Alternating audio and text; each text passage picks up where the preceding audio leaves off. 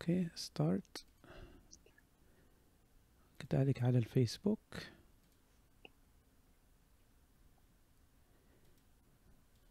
آه شباب إذا كانت هناك مشكلة على اليوتيوب أو على الفيسبوك رجاء نبهوني وسأصلح أي عطل.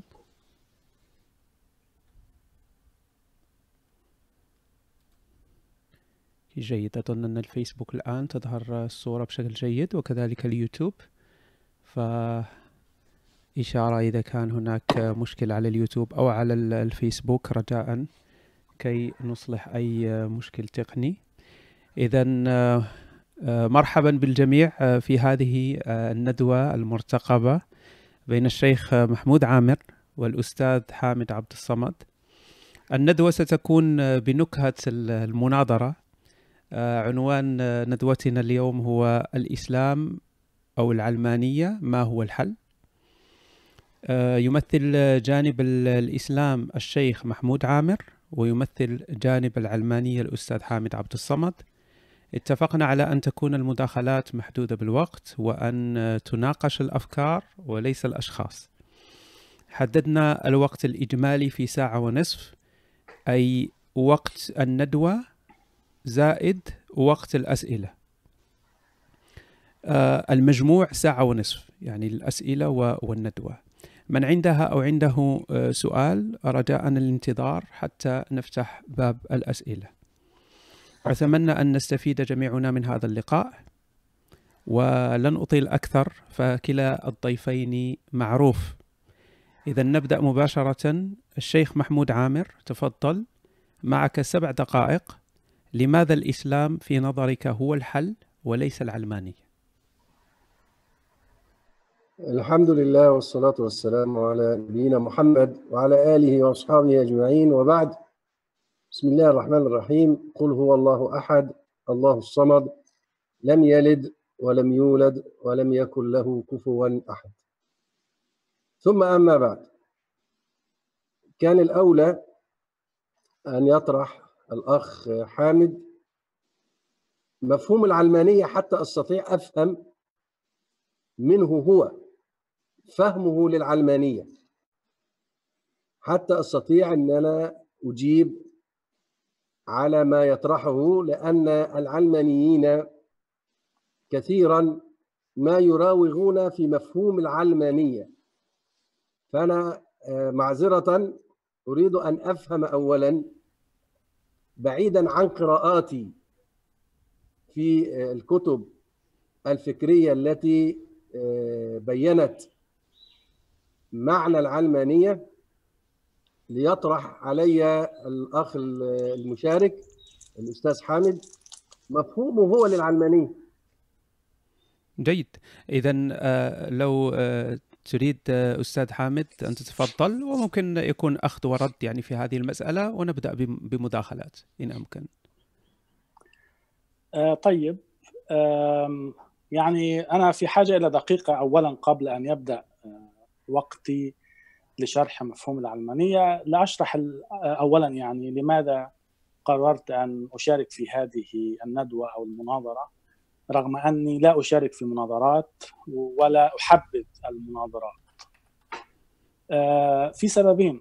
السبب الأول وهو طبعا أن ده كان اقتراح من الأخ هشام الذي يدير الندوة وأنا أكن له كل احترام ومشيد بمجهوده يعني في نشر الفكر الحر وثقافة الحوار البعيدة عن التشنج والتعصب. ويعتبر هذا هو كمان السبب الثاني إن أنا حبيت أقدم نموذج مختلف للحوارات التي دارت حول موضوع الإسلام والعلمانية. إنه دائما يكون آه، صراع الديكة آه، كل فريق متعصب لفكرته وما فيش تبادل الأفكار ولكن تبادل للشتائم ورفع الأحذية والتعرض للأشخاص. فأنا حبيت إن أنا أقدم نموذج مختلف اليوم آه، أن أقدم نموذج لحوار راقي آه، يعني الحجة مقابل الحجة نناقش الأفكار وليس وليس الأشخاص لأننا نفتقر إلى ثقافة الحوار من هذا النوع. للأسف الشديد عندنا آه، من الجانبين من الجانب الإسلامي ومن الجانب العلماني ومن الجانب التنويري ومن الجانب الإلحادي ومن الجانب اللاديني وأحيانا من الجانب المسيحي. أيضا عندنا جوانب غوغائية في النقاش. وهذا آه، يعني لن يجدي والمستمع في النهاية يتشتت. وكل فريق بما لديهم فرحون وكل واحد مقتنع بارائه والتانيين هم المخطئون وأنا الذي أمتلك الحقيقة المطلقة. وهذا يعني أنا ضد هذه الفكرة. فلذلك قررت أني أشارك في هذه الندوة لأطرح نموذجا مختلفا وأقول للمسلم واللاديني والسلفي والإخواني والملحد والمسيحي وكل الناس الحوار ممكن ومش لازم حد يقنع الثاني في النهاية يكفي اننا نتبادل الأفكار. ثم أتي إلى الموضوع. بما أن الشيخ هو الذي طلب آه، أنا حين أرفض الإسلام أعرف ما هو الإسلام أعرف ما هو الشيء الذي أرفضه. لا أحتاج الشيخ محمود ليشرح لي ما هو الإسلام كي أقرر إذا كنت أرفضه أم لا بما إني رفضت الإسلام رفضت الشريعة كحل للمشكلات فأنا عارف من خلال دراساتي آه، ما هو هذا الشيء الذي أرفضه. فكنت أتوقع من الشيخ محمود بما إن الاتفاق كان هو يعني يبدأ بتقديم آه، رؤيته إنه يقول لماذا يرفض العلمانية؟ قبل أن أقول ما هي العلمانية عايز أقول العلمانية مش إيه. قبل تعريفها لازم أن أصحح بعض المفاهيم المطروحة حولها العلمانية تعرضت إلى حملة يعني بشعة من التيار الإسلامي منذ أكثر من 150 سنة حين دخلت هذه الكلمة إلى قاموس اللغة العربية. تشوهت العلمانية على أساس أنها محاربة الدين آه، رفض الدين كراهية الدين التحريض على ترك الدين. العلمانية لا تقول لأحد آمن أو أكفر. لا تقول لأحد كن مسلما أو بوذيا أو مسيحيا أو يهوديا أو أو, أو لا دينيا العلمانية ببساطة هناك علمانية نظرية وفيها عملية عملية تطبيقية على أرض الواقع. ممكن أن نلمسها. مش مجرد فكرة في في الهواء مثل فكرة الشريعة. لا ممكن أن نمسك أجزاء العلمانية هي الحياد الإيجابي تجاه كل الأديان من جانب الدولة. العلمانية ليست كيان أو مؤسسة، ليس لها شيخ وليس لها بابا وليس لها حاخام. العلمانية أسلوب حياة لو حبيت أوضحها برسم بياني همسك ورقة وأرسم الحياة في صورة كره هذه هي الحياة. والدين جزء. يعني مش عارف إذا كانت حتبان الرسمة ولا لأ. نعم هذه هي الحياة. وهذا هو الدين جزء من الحياة. على عكس الشريعة والإسلام طبعا الذي يرى أن هذا هو الدين هو كل شيء والإنسان وحياته مجرد نقطة في داخله. هذا هو أول فرق. العلمانية تنظم الشأن العام. علاقة المؤسسات ببعضها علاقة الأديان ببعضها علاقة المجموعات ببعضها ولا تتدخل في الشأن الخاص. الإسلام يريد تنظيم الشأن العام ويريد تنظيم الشأن الخاص ويتدخل في غرفة نوم البشر يتدخل في يعني دورات المياه تكون في أي اتجاه. ماذا تقول وأنت داخل دورة المياه؟ كيف تتصرف في كل شؤون الحياة؟ فهذه طبعا ديكتاتوريه العلمانيه لا تقحم نفسها في هذا المكان. العلمانيه يعني حماية السياسة من استغلال الدين وحماية الدين من استغلال السياسة الاثنين مع بعض. في وجهة نظر خاطئة إن العلمانيه علشان بدأت يعني تظهر للعالم من خلال الثورة الفرنسية إنها آه، الطعن في الدين ورفض الدين. لا في أشكال من العلمانية كثيرة جدا ما كانتش في صراعات مع الدين. في علمانية فرنسية كانت في صراع مع الكنيسة لأن الكنيسة كانت تقوي الحاكم الظالم ضد الشعب. لكن في علمانية ظهرت في الدنمارك قامت من داخل الكنيسة نفسها الذي قام بها كان قسيس اسمه نيكولاي غرونفي اللي هو قال للشعب الدنماركي كن إنسانا في البداية ثم كن مسيحيا. إنجلترا كان فيها علمانيه تختلف عن العلمانيه الفرنسية لحد النهارده حتى ولو بصورة شكلية الملكة هي رئيسة الكنيسة نفس الشيء في الدنمارك وفي النرويج ولكن مع عدم تدخل الدين في السياسة ومع عدم تدخل الدين في التشريع. وهنا يبدأ وهنا تبدأ المشكلة. العلمانية تعني المواطنة. فكرة المواطنة يعني الدولة تأخذ نفس المسافة من كل الأديان ولكن كما قلت بحياد إيجابي. حياد إيجابي يعني ما سيبش كل الأديان تتصرف على مزاجها وإنما أتدخل لتنظيم العلاقات الحياد معناها أن الدولة لا دين لها. لأن لو الدولة كان لها دين إذا فأصبحت الدولة خصم وحكم في نفس الوقت.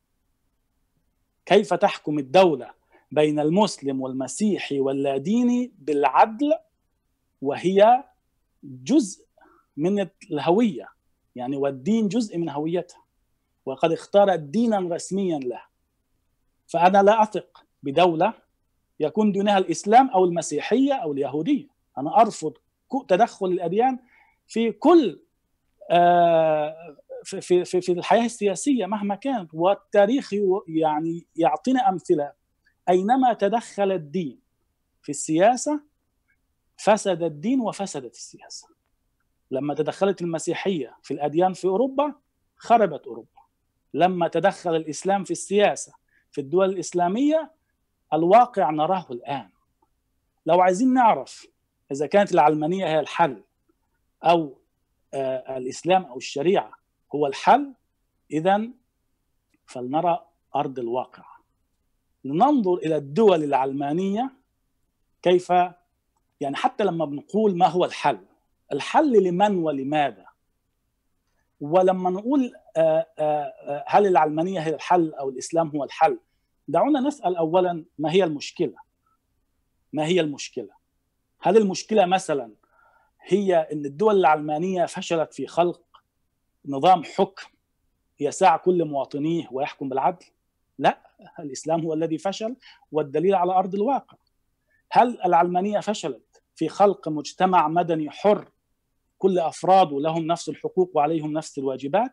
لا الإسلام هو الذي يصنف البشر إلى عبد وحر يصرف البشر إلى رجل وامرأة يصنف البشر إلى مسلم وذمي وكافر وعلى أساس التصنيف البشري يأتي القانون ولكل قانونه. وهذا هو الجور هذا هو الظلم. الإسلام هو الذي فشل في تحقيق العدالة بكل أشكالها. العدالة الدولية لأن الإسلام لا يعترف بحدود ولا يعترف بدول. العدالة الاجتماعية لأنه يفرق بين العبد والحر وبين الرجل والمرأة وبين المسلم والمسيحي والكافر أو الملحد واللاديني والعدالة القانونيه لأن لكل واحد فيه قانونه الخاص به. اذا قبل أن نسأل ما هو الحل أنا أطرح السؤال على الشيخ مرة أخرى ما هي المشكلة؟ لا تأتيني بكلام نظري عن عظمة الشريعة وعظمة الإسلام. حدثني عن أرض الواقع. أين نقف اليوم؟ أين يقف الإسلام اليوم؟ كيف نتحدث اليوم؟ هل الكمبيوتر أو الآيفون اللي بنتكلم منه أو الإنترنت اللي بنستخدمه أو الكاميرات اللي بتورينا بعضنا والسماعات اللي بتسمعنا صوت بعضنا هل هذا نتاج الإسلام أم نتاج سمح أو سمحت به العلمانية؟ كل الأشياء التي أرتديها والتي أنت ترتديها. من الذي أنتجها؟ الإسلام أم العلمانية؟ آه السيارة التي تركبها أو التاكسي أو أي شيء أنت بتستخدمه في حياتك. التليفون اللي بنستخدمه. هذا هو نتاج 500 سنة من الحرية 500 سنة من حرية البحث 500 سنة من محاولات آه، التعايش تفشل أحيانا وتنجح أحيانا. لكن في النهاية حينما يتحكم الدين أي دين في رقاب العباد ويتدخل في حياتهم الشخصية ويتدخل في تشريعاتهم ويتدخل في سياستهم ويكون هو الخصم والحكم في نفس الوقت رأينا النتيجة. أستاذ لو عايز لو عايز تعرف إذا كان الحل هو الإسلام أو العلمانية مشى شوية في شوارع الدول العلمانية الكافرة الفاجرة. لندن. أستاذ حامد أخذت وغيرها. أكثر من 11 دقيقة. ربما تمام. نعطي خلاص فرصة نكمل نكمل جيد. آه طيب آه الشيخ محمود عامر الأستاذ حامد عبد الصمد تكلم عن الأحكام المسبقة ضد العلمانية تكلم عن أن كيف العلمانية تحمي آه، السياسة من الدين وتحمي الدين من السياسة. وأعطى أمثلة في الواقع. قال أن الواقع يثبت هذا الكلام. كيف ترد عليه شيخ محمود عامر آه، بأن الإسلام هو الحل وليس العلمانية كما شرح لنا الأستاذ حامد؟ تفضل معك 11 دقيقة. أنا لن أرد على الكلام المرسل الذي يجافي عين الحقيقة. ويقول النتاج العلمي المعاصر ما هو إلا نتاج العلمانية من 500 عام فهو ينكر حقيقة علمية تاريخية أن ما وصل إليه الإنسان في هذا العصر من أي تقدم علمي أو تكنولوجي ما هو إلا تراكم حضارات منذ بدء الخليقة إلى الآن عبر حضارات موحدة مسلمة وحضارات مادية آه، ملحدة أو وثنية. فقوله أن النتاج العلمي والتكنولوجي ما هو إلا نتاج العلمانية على الفهم الذي آه، آه، يعني أشار إليه هذا مغاير للواقع ومغاير للحقائق العلمية الثابتة التي آه، يقول بها علماء الاجتماع الوضعي آه، من أن تراكم الحضارات معروف. وما الحضارة الفارسية قبل الإسلام والحضارة الرومانية قبل الإسلام استفاد منها المسلمون استفاد المسلمون من كل هذه الحضارات وجددوا الدماء الحضارية المادية. لكن هذا ليس محور الإسلام على فكرة وأنا لا أريد أن أخوض في آه، ردود على أفضلية الإسلام على غيره. أنا أريد أتكلم في أصل الإسلام. هل نحن نؤمن بالإله الحق الواحد الأحد الفرد الصمد أم لا؟ هي هذه هي أهم حقيقة. بشرية لابد أن يعلمها كل الخلق. البشرية لم تكن في حاجة إلى آه، طبيب آه، بشري أو مهندس زراعي أو آه، صانع حرفي أو عالم ذره أو أو إلى آخره. لأن معطيات المكونات المادية موجودة في الكون منذ أن خلق الله الخلق. واجتهاد البشر فيها اجتهاد فطري.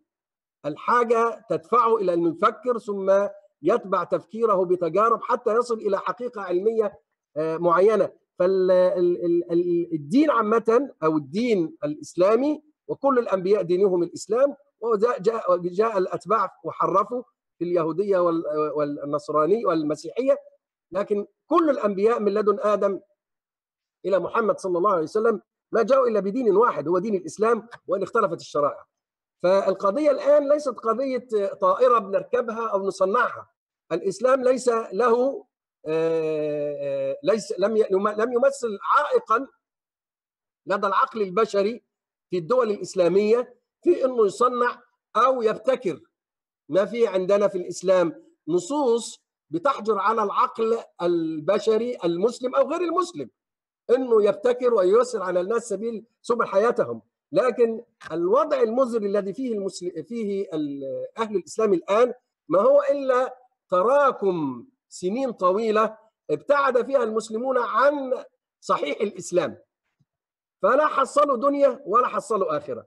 وبالتالي أنا لن أدخل في حوار مع ال ال ال ال الأخ المشارك ولم آتي لأناظر لأتغلب عليه أو أتغلب على غيره. نحن نعرض بضاعتنا ها؟ ونقول هذا نريد للبشرية الهداية. ما نريد للبشريه كما هو أشر الناس. آه طيب شيخ هناك بعض المشاكل في الاتصال. ما زلت معنا شيخ محمود؟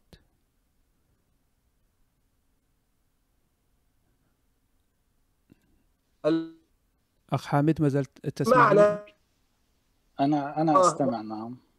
أوكي. بس أنا لا لا أسمع الشيخ محمود.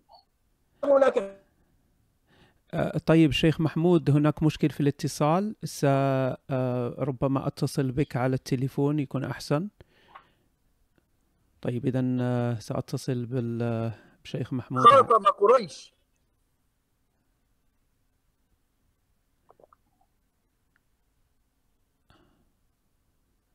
آه، شيخ محمود تسمعني؟ تسمعني شيخ محمود؟ طيب إذا سأتصل بال صلى الله عليه وسلم لما أوكي شيخ محمود إذا كنت تسمعني سأتصل بك على التليفون ونكمل بالصوت لأن الاتصال آه، يقطع كثيرا. طيب إذا آه، سأتصل بالشيخ ونكمل. آسف آه، طبعا التقطيع من من الإنترنت فخارج ال- عن الإرادة. طيب.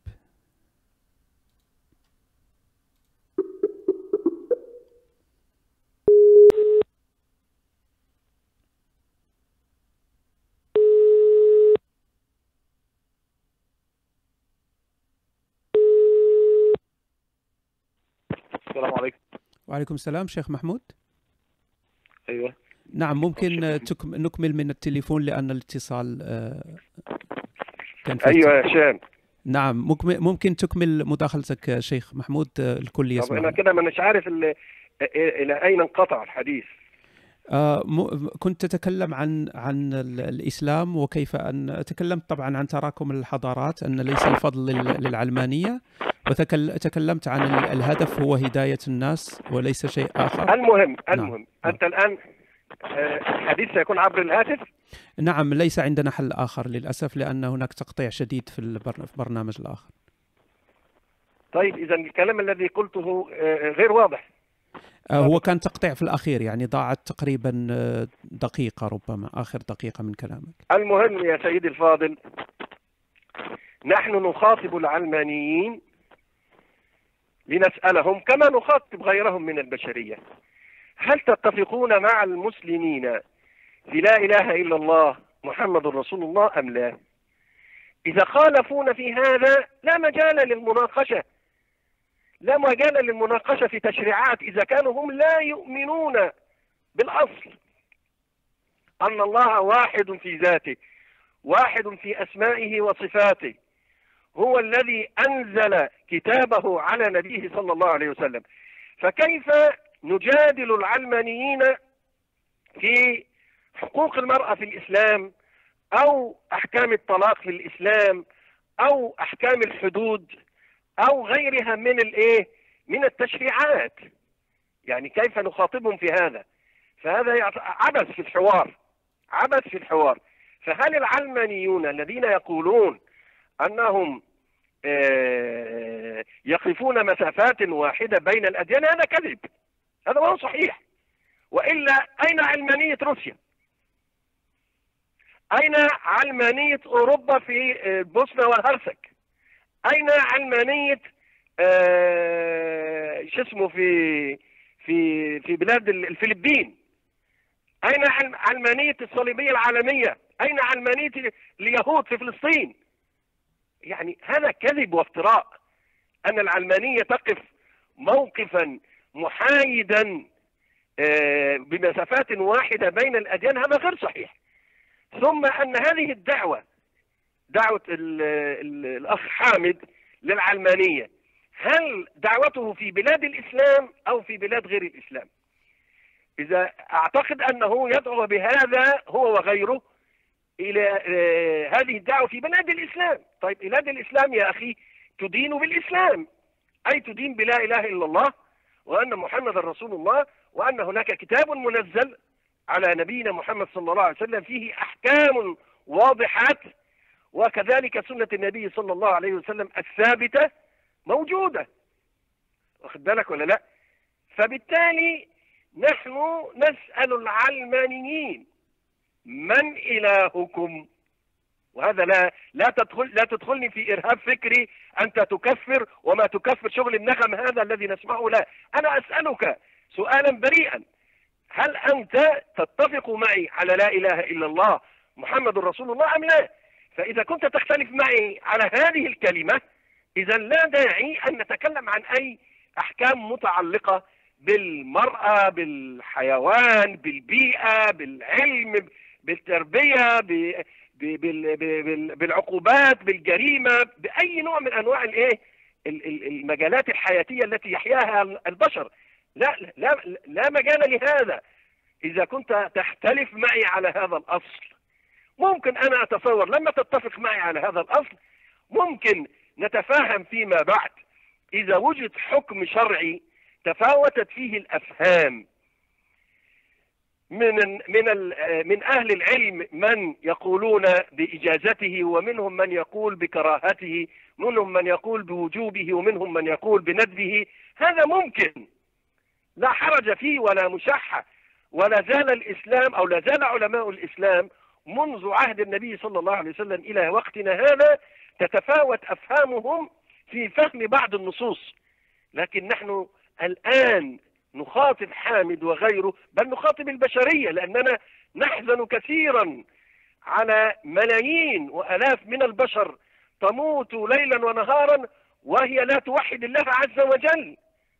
هذا هذا هو كان جهد النبي صلى الله عليه وسلم وجهد الأئمة من بعده أنهم يريدون إنقاذ البشرية من الشرك وإدخالهم في التوحيد. هذه هي القضية العظمى. هذه هي القضية الأساسية هذه أهم قضية حضارية. ليست القضية الحضارية عند اليابانيين أنهم يخترعون دقائق الصناعات ويعبدون الأوثان. هذا خيانة للشعب الياباني أن يترك هذا الشعب يعبد أصناما آلهة ولا ندعوهم للا إله إلا الله وأن محمد رسول الله. ثم يقول الأخ في رسمة دائرية أن الحياة هي الدائرة والدين جزء منها. هذا لأنه لا يفهم معنى لا إله إلا الله وأن محمد رسول الله إذا, إذا كان يؤمن بها أصلا. فالح... فالحياة هي جزء من الدين لأن الحياة التي نحياها جزء بسيط جدا لسعة الآخرة. فالإسلام والمسلمون أهل دعوة. أهل دعوة. أي لإنقاذ البشرية. من ظلمات الشرك وإدخالهم إلى حظيرة الإيمان لمن شاء منهم فلا إكراه في الدين. فأرجو أن يكون المناقشة في هذا. هل العلمانيون على اختلاف مشاربهم يؤمنون بالتوحيد الذي تعنيه كلمة لا إله إلا الله ويؤمنون برسالة محمد صلى الله عليه وسلم أم لا؟ هذا هو السؤال الآن. شكرا و... شيخ ولن أجيب على أي طرح آخر إلا على هذه الجملة أولا. بس. شكرا تفضل هشام. شكرا شيخ محمود عامر أستاذ حامد عبد الصمد. آه، ذكر الشيخ مجموعة من النقاط المهمة منها أن آه، التقدم هو تراكم حضارات ليس نعم. ليس الفضل للعلم للعلمانية. آه، تك- أعطانا أمثلة أنه لا يوجد حياد كما قلت قلت أن هناك حياد إيجابي للعلم العلمانية لكن هو أعطى أمثلة معاكسة. قال لك روسيا البوسنة والهرسك الصليبية العالمية اليهود في فلسطين. وقال بأن الدعوة يعني إذا أحببت العلمانية في دول الإسلام فالمسلمون لهم دين ولهم كتاب لا يحتاجون إلى إلى إلى إلى إلى علمانية القضية هي قضية توحيد وليست شيء آخر كما قال الشيخ. وقال نعم. كذلك الحياة هي جزء من الدين وليس الدين جزء من الحياة كما آه، وضحت لنا في البداية تفضل في الحقيقة تبينت من أول مداخلة للشيخ آه، مشكلة الحوار مع ال- مع السلفيين أو مع المتدينين بشكل عام إنه أنا لا أسمعه صعب يا إنك ت... آه، آه، آسف صعب. آسف آسف, آسف آه، أستاذ حامد لأن الشيخ لا يسمع آه، كلامك طبعا لأننا على سكايب آه، نعم. فهل هل هناك إمكانية لل- من الأخ محمد أنه آه، يفتح رابط اليوتيوب حتى تسمع شيخ؟ تعرف يا محمد تفتح رابط اليوتيوب أنا سأعطيك رابط اليوتيوب على السكايب وممكن هو يفتح فقط ينقر بال- بالفأرة ويذهب لل- للرابط. ما هو الرابط؟ أنا سأعطيه ال- الرابط الآن على ال على ال على السكايب ابعتوا له على الواتس ابعتوا له على الواتس. طيب أخ وينجو إذا ممكن تبعته على الواتساب أنا سأبعته كذلك على السكايب تكلمني يا هشام ولا تكلم من؟ آه، أكلمك أنت شيخ. أنا أنا بعت لك الرابط على على ال- لا على سكايب. لا يمكن لأن أتصل بك على الهاتف. ممكن الأخ وينجو يرسل ال- ال- رابط اليوتيوب لل- للأخ محمد على الواتساب إذا أمكن. آسف على هذا الانقطاع. آه، لكن. نحتاج آه، نريد أن الشيخ يسمع طبعا مداخلة الأستاذ حامد.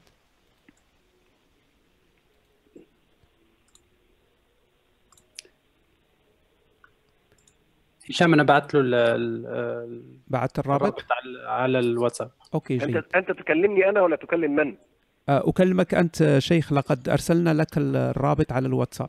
على على على لمحمد ولا على تليفوني أنا؟ للرقمين للرقمين. للر- للر- للرقمين معا شيخ. الرابط ع- للرقمين معا أرسلنا الرابط. عند- الان أسمع كده؟ انت سمعني كده يا شيخ؟ هو الآن أعطاني الجوال. لو لو تكلم الأخ حامد كده شوف أسمع ولا لا. طيب طيب سامعني كده يا شيخ؟ أنا بتكلم أهو.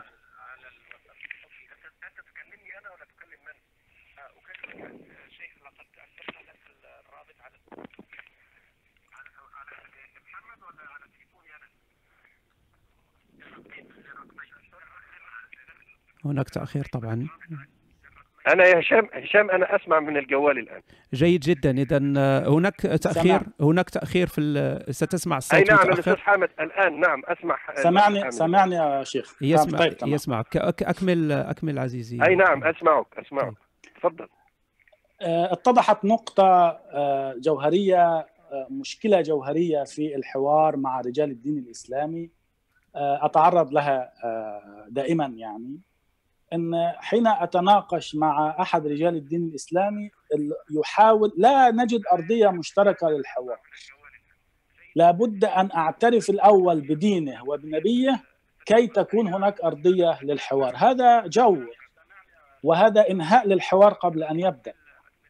هناك علماني مسلم متدين هناك علماني لا ديني هناك علماني مسيحي يعيش في الغرب هناك علماني مسيحي يعيش في مصر وفي الدول الإسلامية. هناك علماني هندي. هناك علماني في كل الحضارات.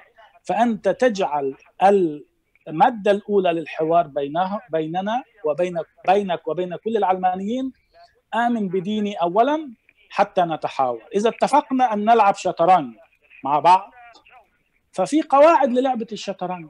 أنك تحرك قطعة وأنا أحرك قطعة. ونكسب في النهاية. مش نتفق وندخل لنلعب الشطرنج فتبدأ أنت تلعب بوكس.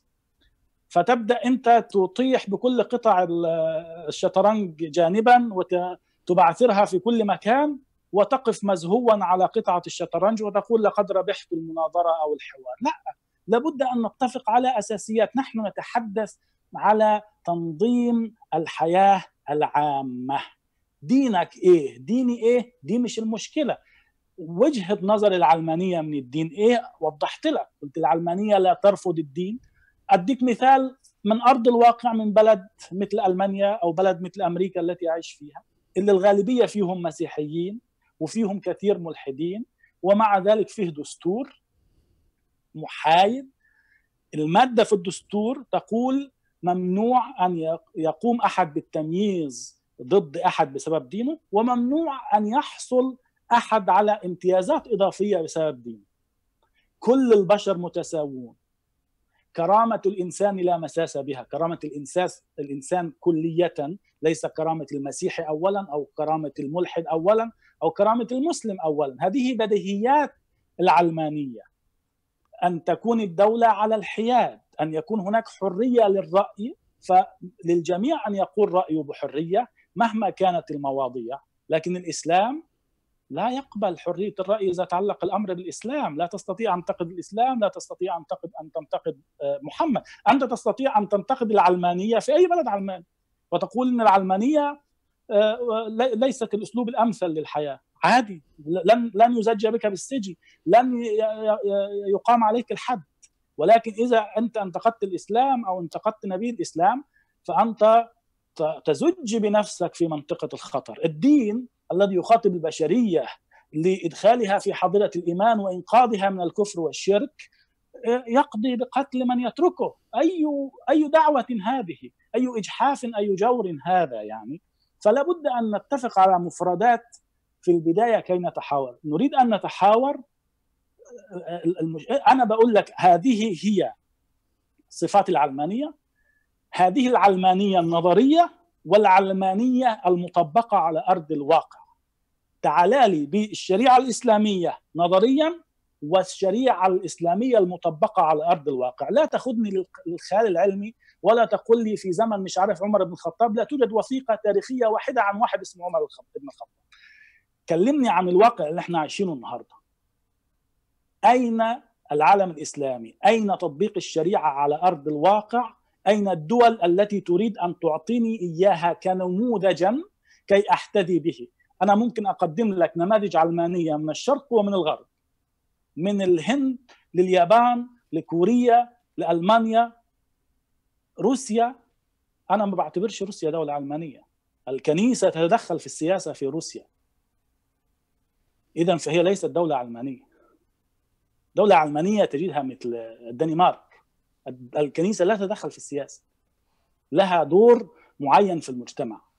والدولة هي التي تحدد دور الكنيسة وليست الكنيسة هي التي تحدد دور الدولة. وهذا بالضبط هي المشكلة التي آه، مشكلتنا مع الإسلام.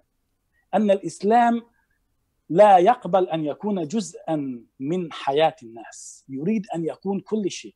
يريد أن يتدخل في شؤونهم في غرفة نومهم في في في دورات مياههم في كل شيء.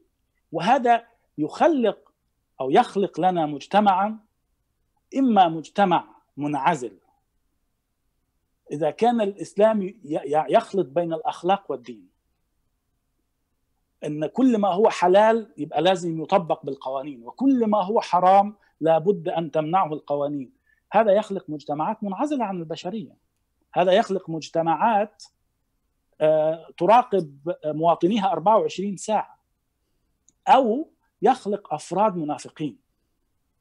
يقولون ما لا يفعلون يدعون بالفضيله ولكن إذا نظرت إلى واقعهم تكتشف مصائب. انظر حولك يا شيخ. أين أكثر الدول التي انتشر فيها التحرش بالنساء؟ حتجدها نفس الدول اللي آه، النساء فيها محجبات ومنقبات. أين أكثر الدول التي فشلت في التعليم؟ ستجدها دول إسلامية. أين الدول التي تنتهك حقوق الإنسان؟ حتجدها دائما دول آه، آه، إسلامية في في بداية آه، القائمة. اذا حدثني عن الآن عن أرض الواقع. لا تقو لا تقدم لي نظرية يصعب تطبيقها على الأرض. الإسلام فشل حتى الآن في إنه يجعل نظاما للحكم ثابتا نعرف زواياه. ده حتى يعني بعد وفاة محمد بقليل تقاتل المسلمين ولم يكفوا عن قتال بعدهم حتى اليوم لأنهم لم يجدوا نظاما موحدا للحكم يتفق عليه. مرة بالبيعة مرة بالتزكية مرة بالاحتكام مرة بالتوريث. والإسلام يدخل ويوافق. الإسلام يدخل ويوافق على كل شيء. كل ما واحد ياخذ الحكم يدخل يوافق له على الإسلام فشل حتى في وضع نظام الحكم. لا توجد دولة في الإسلام توجد فكرة الأمة. الدولة في الإسلام ليس لها حدود ولكن قابلة للتوسع في أي وقت. الإسلام جاء بأفكار وآراء. لو طبقناها كلها اليوم حنرتكب جرائم حرب جرائم جرائم حرب. سبي النساء في الحرب جريمة حرب النهارده. قتل الأسرى جريمة حرب النهارده. العبودية والرق الذي يقره الإسلام. جرائم. كل هذه أشياء على أرض الواقع. تعال قل لي الشريعة هي تبغي هذا وهذا وهذا. لا تقول لي لا. آمن بي الأول. طب ما أنا ممكن أقلب العايه أقول لك لا. قول لي إنك علماني الأول وبعدين أتناقش معاك. لا. أنت مسموح لك أن تظل مسلما قابلا للشريعة وأنا مسموح لي أن أظل علمانيا ناقدا للإسلام. وبعدين نتناقش. وإحنا نحن أنت بتريد أن تخاطب البشرية.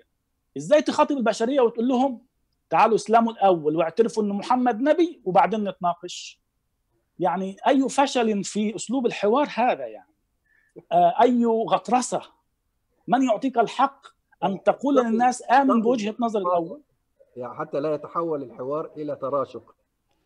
خلي الألفاظ لا هو ليس ساعطيك أريحية فالتزم أنت كذلك بالألفاظ. أنا ملتزم أنا ملتزم أنا بت... أنا أنا بنتقد الفكرة. عندما تقول لي كن مسلما الأول وآمن ب... وآمن بالدين الأول. أنا أقول لك هذا اولا. أنت ع... أنت بتقول عايز تحاورني؟ قول لي موقفك الأول من لا إله إلا الله عشان عشان نش... أيوه آه. بالظبط كده. ليه؟ آه. يعني حاجة بديهية. يعني كيف لا مش بديهية ولا حاجة. مش بقى اثبات هقول لك على هقول لك على شيء بسيط بقى. ما إحنا دام دخلنا ممكن 10 ثواني بس 10 اتفضل. اتفضل كيف أناقشك في فقه أحكام الاسرى في الإسلام؟ وأنت لا تؤمن مش أنت حامد أنا لا لا أدري. وأنت كمحاور أو كمخالف لا تؤمن بمصدر التشريع المنزل ما هي قيمة المناقشة؟ لأن التشريع لا يحتاج إلى إيمان. ليس ليس معنى هذا أنني أقول لك آمن بي اولا. لا أنا أدعوك بغض النظر عن حامد أقول لك تعال نتناقش اولا في إثبات الألوهية الحقة. من الإله الحق الذي يعبد؟ هذه أهم قضية مصيرية في الكون كله. بس لم بس لم تحسم يا يا شيخ. هذه القضية لم تستطيع أن تحسمها. لا تستطيع أن تثبت لي أن الله الذي يشتم أبو لهب في القرآن هو الذي خلق الكون وهو الذي سير وخلق الزرع. كل كل صح كل واحد صاحب بتاع دين. المسيح هيقول لك لا ده إلهي. الهندوسي هيقول لك إلهي. ومش هنخلص. لكن إحنا عايزين نتعايش. لكن يا شيخ عايزين نتعايش. اسمع اسمع اسمع. لم تعرف البشرية تعايشا مثل الذي عرفته في رحاب الإسلام لما كان الإسلام غضا طريا ولم تلوثه ثقافات اليونانية والثقافات الإيه؟ الوافدة إليه. فعاش اليهود وعاش النصارى وغيرهم في رحاب الإسلام أكثر من 1400 عام حتى في هذا العصر شيخ شيخ محمود شيخ محمود شيخ محمود لو س... لو سمحت شيخ محمود حتى لا نبتعد. حريه تامه في بلاد المسلمين. شيخ محمود لو لو نترك يعني نبتعد عن الشخصنه أنا أتكلم مع الأخ حامد ومع الأخ شيخ. هو الذي بدأ. لا هو هو هو هو رجاء لل... لل... للطرفين. أنه لا داعي للألفاظ التي لا يحتملها النقاش. طيب لكن حتى لا ندخل في مواضيع أخرى تختلف. موضوعنا هو العلمانية أو الإسلام. طيب وأنا لازلت في هذا. جيد جيد. لكن لا نشترط مثلا أن يكون المشارك الضيف الآخر أنه مؤمن أو نتكلم في الألوهية لأن هذا موضوع يختلف. نركز على العلمانية. نعم. ثانية واحدة. تفضل. ما هي ما هي الفائدة العملية؟ نعم. إذا قلت لك آه الزاني يجلد. الزاني البالغ العاقل الراشد الحر يجلد مئة جلدة إذا كان بكرا. وأنت تخالفني في هذا.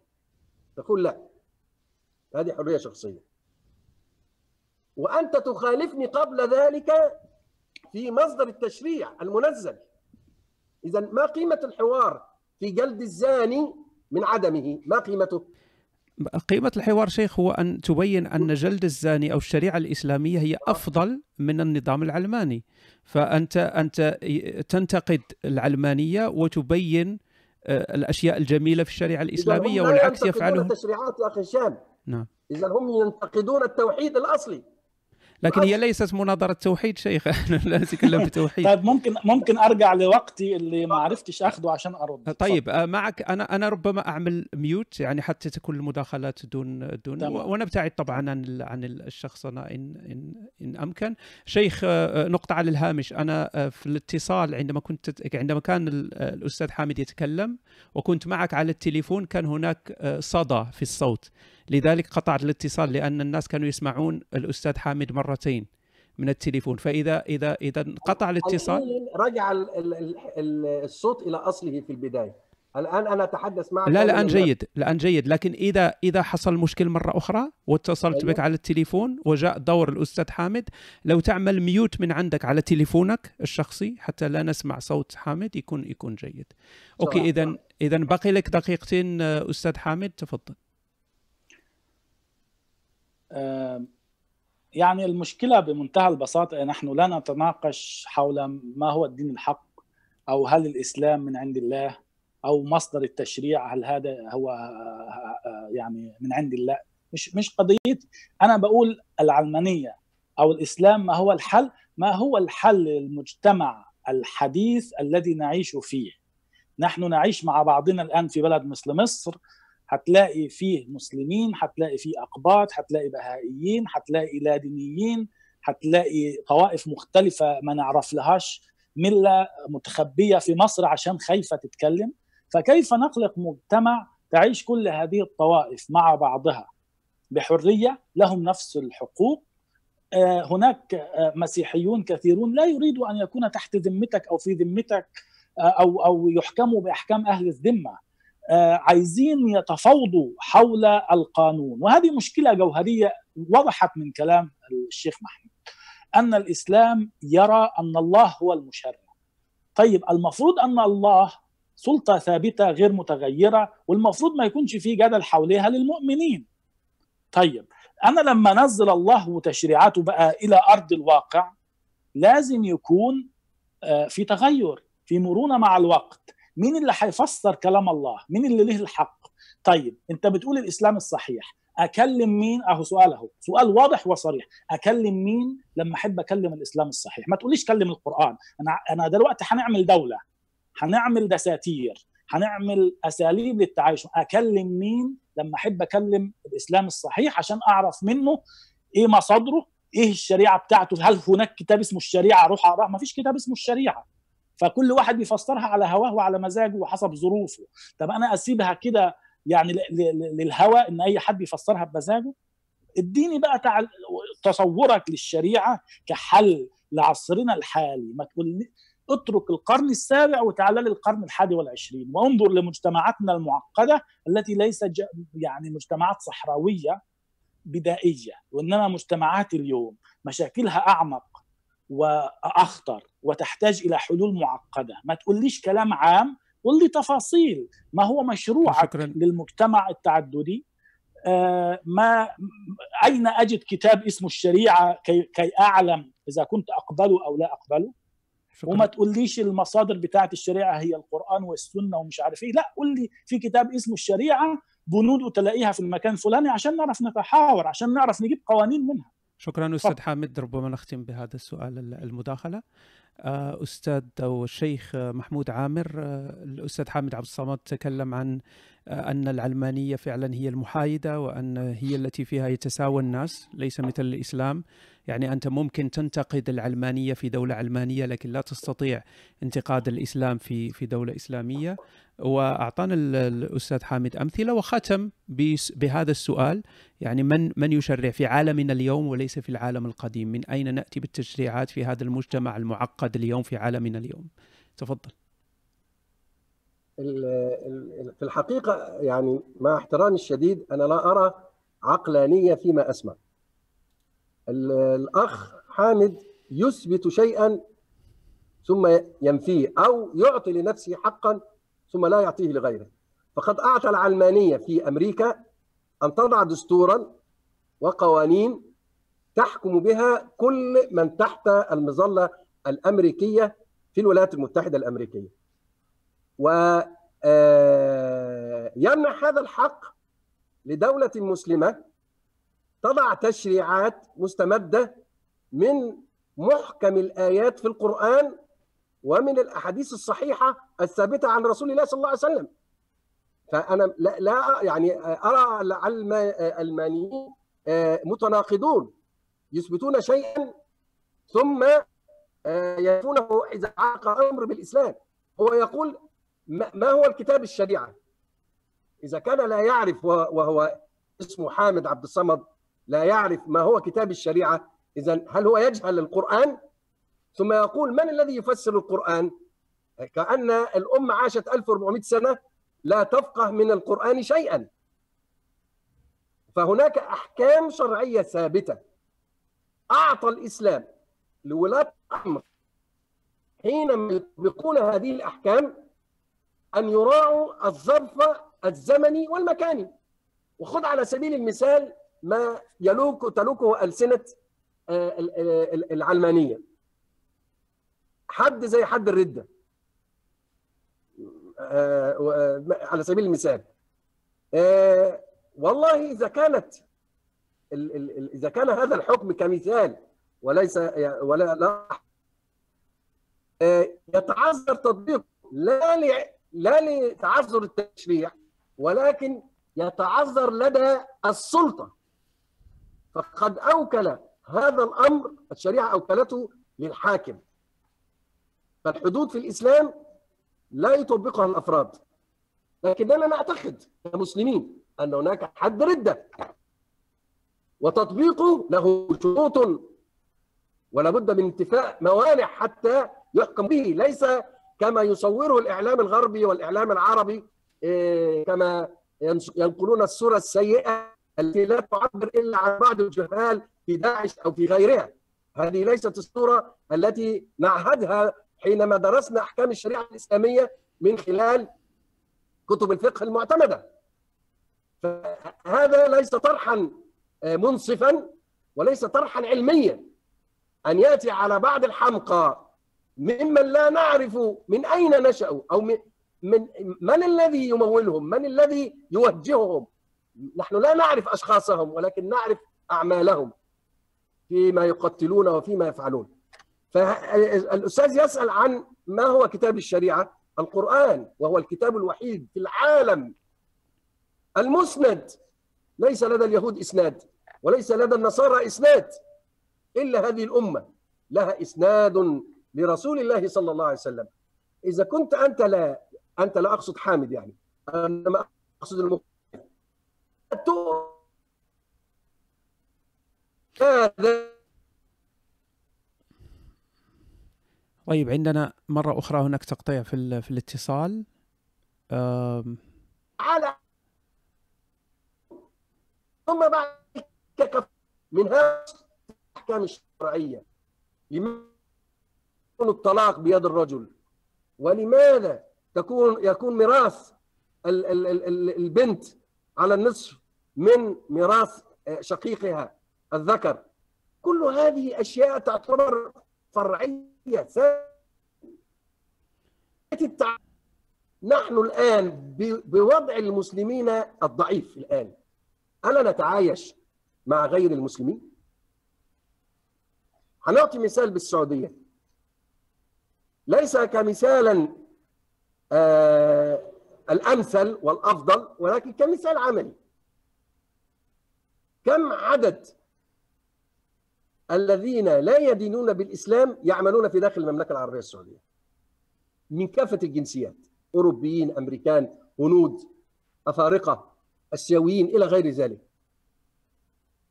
من الذي يحول بينهم وبين التعايش؟ إذا كانت لديهم عليهم ضغوط و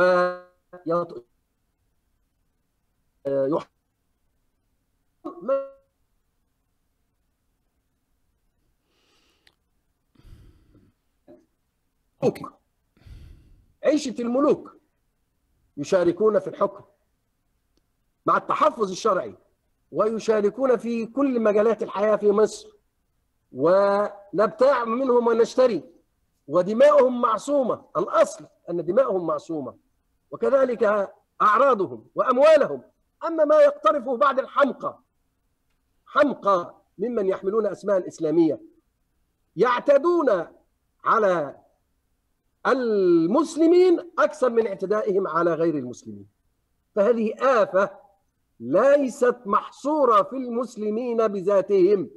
أو لعلة موجودة في داخل التشريع الإسلامي وإنما هي علة خبيثة لمجموعة من الحمقى أو الجهلة أخذناها نحن في بلادنا وفي عالمنا العربي بصفة خاصة وأعطيناها مساحة أكبر وكأن الإسلام هو المسؤول عن هذه الحماقات مع أن كتب الإسلام ومصادره بين أيدينا ولا نجد مثل هذه الممارسات. إذا القول بأننا تعالى لنطبق ونتعايش نحن نتعايش وهو لا يعلم إن كان ممكن أن أرسل هذا لهشام. أنا أجلس الآن وأنا أحدثك وخلفي مباشرة بيني وبينهم جدار لأكبر كنيسة في المنطقة عندنا في بلادنا هنا في دمنهور وليس بيننا وبينهم أي عداء. اللهم إلا الخلاف العقدي وهذا لا دخل للتعامل فيه. هو دينه واعتقاده وأنا لي ديني واعتقادي. هو عندي كافر بوفق معتقدي وأدلتي الشرعية لكن دمه حرام عليه وماله حرام عليه وعرضه حرام عليه وله حق الجوار وله حق النصرة لأنه يعايشني. فأنا ما أدري هل الأستاذ حامد ربما هو عاش في يعيش في أمريكا يعني فترة يعني تناسى فيها كيف يعيش غير المسلمين في في في في داخل في داخل مصر مع أن هناك تحفظات شرعية ولكننا نتعايش معه أما الممارسات الاستثنائية التي نسمع بها هنا وهناك فقد ابتلي المسلمون في دمائهم وأموالهم أكثر مما ابتلي غير المسلمين في بلاد مصر. على سبيل المثال لا الحصر. شكرا شيخ محمود. تفضل. شكرا شيخ محمود. وكان بعض التقطيع في في المداخلة لكن أظن الفكرة وصلت بمجملها. ف قال الأستاذ حامد عبد الصمد قال الشيخ محمود أنك أو العلمانيون دائما يتكلمون عن يعني الدول يفرقون بين الدول الإسلامية والدول مثلا أمريكا عندها تشريعاتها. مستمدة من قوانين وضعية لكن الدول الإسلامية تستمد تشريعاتها من من القرآن ومن صحيح السنة. لماذا تعيبون على الدول الإسلامية ذلك؟ يعني عندها دين وعندها كتاب. تكلم أعطانا أمثلة مثلا مثال حد حد الردة. قال أن ليس الأفراد هم الذين يطبقون هذا الحد بل الحاكم هو الذي يطبق هذا الحد وهناك شروط لتطبيق مثل هذه الحدود التي تنتقد طبعا. وأعطى مثال على التعايش أعطى مثال السعودية كدولة يعيش فيها الكثير. في مصر. نعم أنا سأذكر هذا المثال أيضا شيخ. فأعطى مثال السعودية قال أن السعودية فيها كثير ممن لا يؤمنون بالإسلام ومع ذلك يعيشون هناك بسلام. وكذلك أعطى مثال الأقباط في مصر أن هناك تعايش. وأعطى مثال يعني ببيته هو يعيش بجانب مسيحيين والإختلاف هو فقط اختلاف عقدي. تفضل أستاذ حمد. نعم. أول نقطة إذا كانت أولا العلمانية كما قلت ليست كيان سياسي وليست برضو هيئة لها بابا أو لها شيخ أزهر العلمانيين ما فيش هذا الكلام. هي مجموعة من الأفكار والمبادئ التي تصلح للجميع مش بس للمسلمين أو للأمريكان أو غيرهم هي نشأت في أوروبا وانتشرت داخل أوروبا بأشكال مختلفة وابتدى العالم يتبناها لأنهم اكتشفوا أنها السبيل الأمثل للتعايش لأنها لا لون لها ولا طعم ولا رائحة كدولة. الدولة إذا كان لها دين فهي غير محايدة انتهت. ما تقدرش تحكم تبقاش خصم وحكم. هذه النقطة. في أمريكا الدولة ليست خصم وحكم. دولة محايدة بين المؤسسات. والقانون أعمى. تعرف المثال بتاع يوستيتسيا اللي هي لابسة امرأة العدالة؟ إنها لا ترى إن هي ما بتفرقش بين الناس كل البشر سواسية. أنت بتقول الشريعة أوكلت الحدود للحاكم. نبدأ بهذه النقطة. طيب ماذا قالت الشريعة كيف نختار الحاكم؟ لا توجد طريقة لاختيار الحاكم في الشريعة. طرق مختلفة. إذا اغتصب الحاكم الحكم بالقوة الشريعة بتدعمه. لو ورثه لابنه الشريعة بتدعمه. لو بايعه مجموعة من سادة القوم الشريعة بتدعمه. أي أي نظام هذا؟ طيب كيف نراقب الحاكم؟ الحاكم هو الذي يراقب الحدود وهو الذي يطبق الحدود. من يراقب الحاكم؟ أين ديناميكية مراقبة الحاكم في الشريعة؟ لا توجد. إن إنه تطيع الحاكم ولو جلد ظهرك. وإن زنى وإن سرق وإن زنى وإن سرق. إزاي إزاي أنا آخذ هذه المعطيات وأسيب الحاكم بدون ديناميكية للمراقبة؟ ما ينفعش. العلمانية جعلت هناك لم تجعل الحاكم مطلق يحكم باسم الله لأن من يحكم باسم الله وهذا ما حدث. حينما حكمت المسيحية باسم الله أفسدت. حينما حكمت البوذية باسم بوذا في بورما أفسدت. يعني الفرق بين العلمانية ولا العلمانية يكون واضحا بين اليابان البوذية وبين بورما البوذية. في في بورما تدخلت البوذية في السياسة فقتل المسلمون. فلذلك تجد أن المسلمين في البلاد العلمانية لا يريدون يعني في الهند أكثر من يحارب من أجل العلمانية هم الأقلية المسلمة لأن عارفين لو الهندوس جم كأغلبية وحكموا شرائعهم شرائعهم هيبقى المسلمين أهل ذمة عندهم وهيبقوا اذلاء أنا لو أمريكا أو ألمانيا حبت تطبق الشريعة المسيحية أو اليهودية أو أي شريعة دين حسيب البلد وأمشي لأن مش هبقى مواطن طبيعي. أنت اديتني مثالين يا شيخ يعني يا ريتك كنت اخترت مثالين تانيين. السعودية ومصر. السعودية التي لا يسمح فيها ببناء كنيسة. السعودية التي يقبض على الشخص فيها يقبض عليه لو وجدوا معه انجيلا. طب لو حتتعامل المعاملة بالمثل السعودية بتبني في كل دول أوروبا مساجد وبتبني يعني أكاديميات الملك فهد والملك عبد الله. والمسلمين بيصلوا في المساجد. ألمانيا لوحدها فيها 3000 مسجد والسعودية فيها صفر كنيسة. يكفي هذا مثالا يعني. وتقول لي عايشين في في سلام والى آخره. بتقول لي المسيحيين بيشاركوا في الحكم في مصر. ده, ده كلام يا شيخ ده يعني يعني هات حد من الإخوة الأقباط يشرح لك الوضع يعني في مصر. اقرأ الناس اللي كنائسهم اتدمرت واللي بيتقتلوا واللي بيندبحوا عشان مجرد إن هم مسيحيين في مصر اللي اتهجروا من المنيا ومن العريش. القانون الجائر الذي لا يعاملهم بالمثل مثل ما يعامل المسلمين. وهذه هي النقطة. يعني أنا برجع وبقول مش ما تقدرش أمريكا تطبق قانون من ثقافتها. طبعا كل ثقافة بتستقي من ماضيها أشياء وتدخلها في التشريع لا شك. ولكن في النهاية بيكون الصالح العام مش صالح الدين. القانون الألماني يساوي بين الدين المسيحي والدين الإسلامي ولا دين القانون المصري السعودي أي قانون في دولة إسلامية يستند إلى الشريعة لا يساوي بين المسلم وغير المسلم لا يساوي حتى بين المرأة والرجل لا يساوي بين الحر والعبد. اذا فالمقارنة غير مقبولة على الإطلاق. أنا ممكن أديك مثال من دولة علمانية توري لك كيف تكون الدولة العلمانية محايدة عن جد. وحبتعد عن أوروبا وأمريكا اللي بتزعلكم. خد سنغافورة. سنغافورة بلد غالبيتها بوذيين.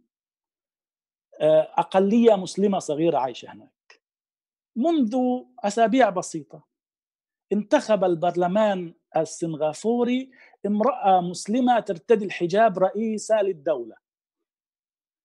أين في الدول الإسلامية يمكن أن تصلح هذا؟ اولا امرأة ثانيا غير مسلمة.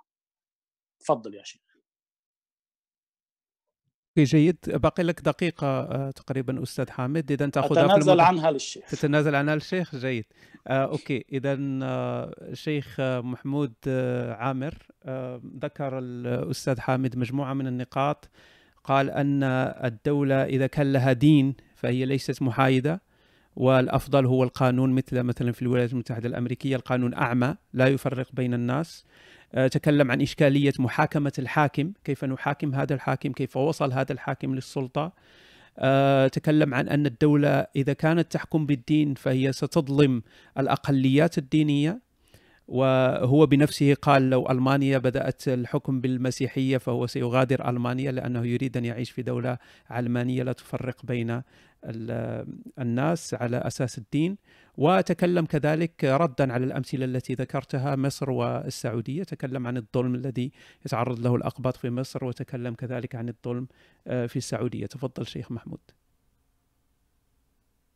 آه، أنا أعتمد على الله ثم على فطرة ال- المستمعين وإنصافهم وعقلانيتهم.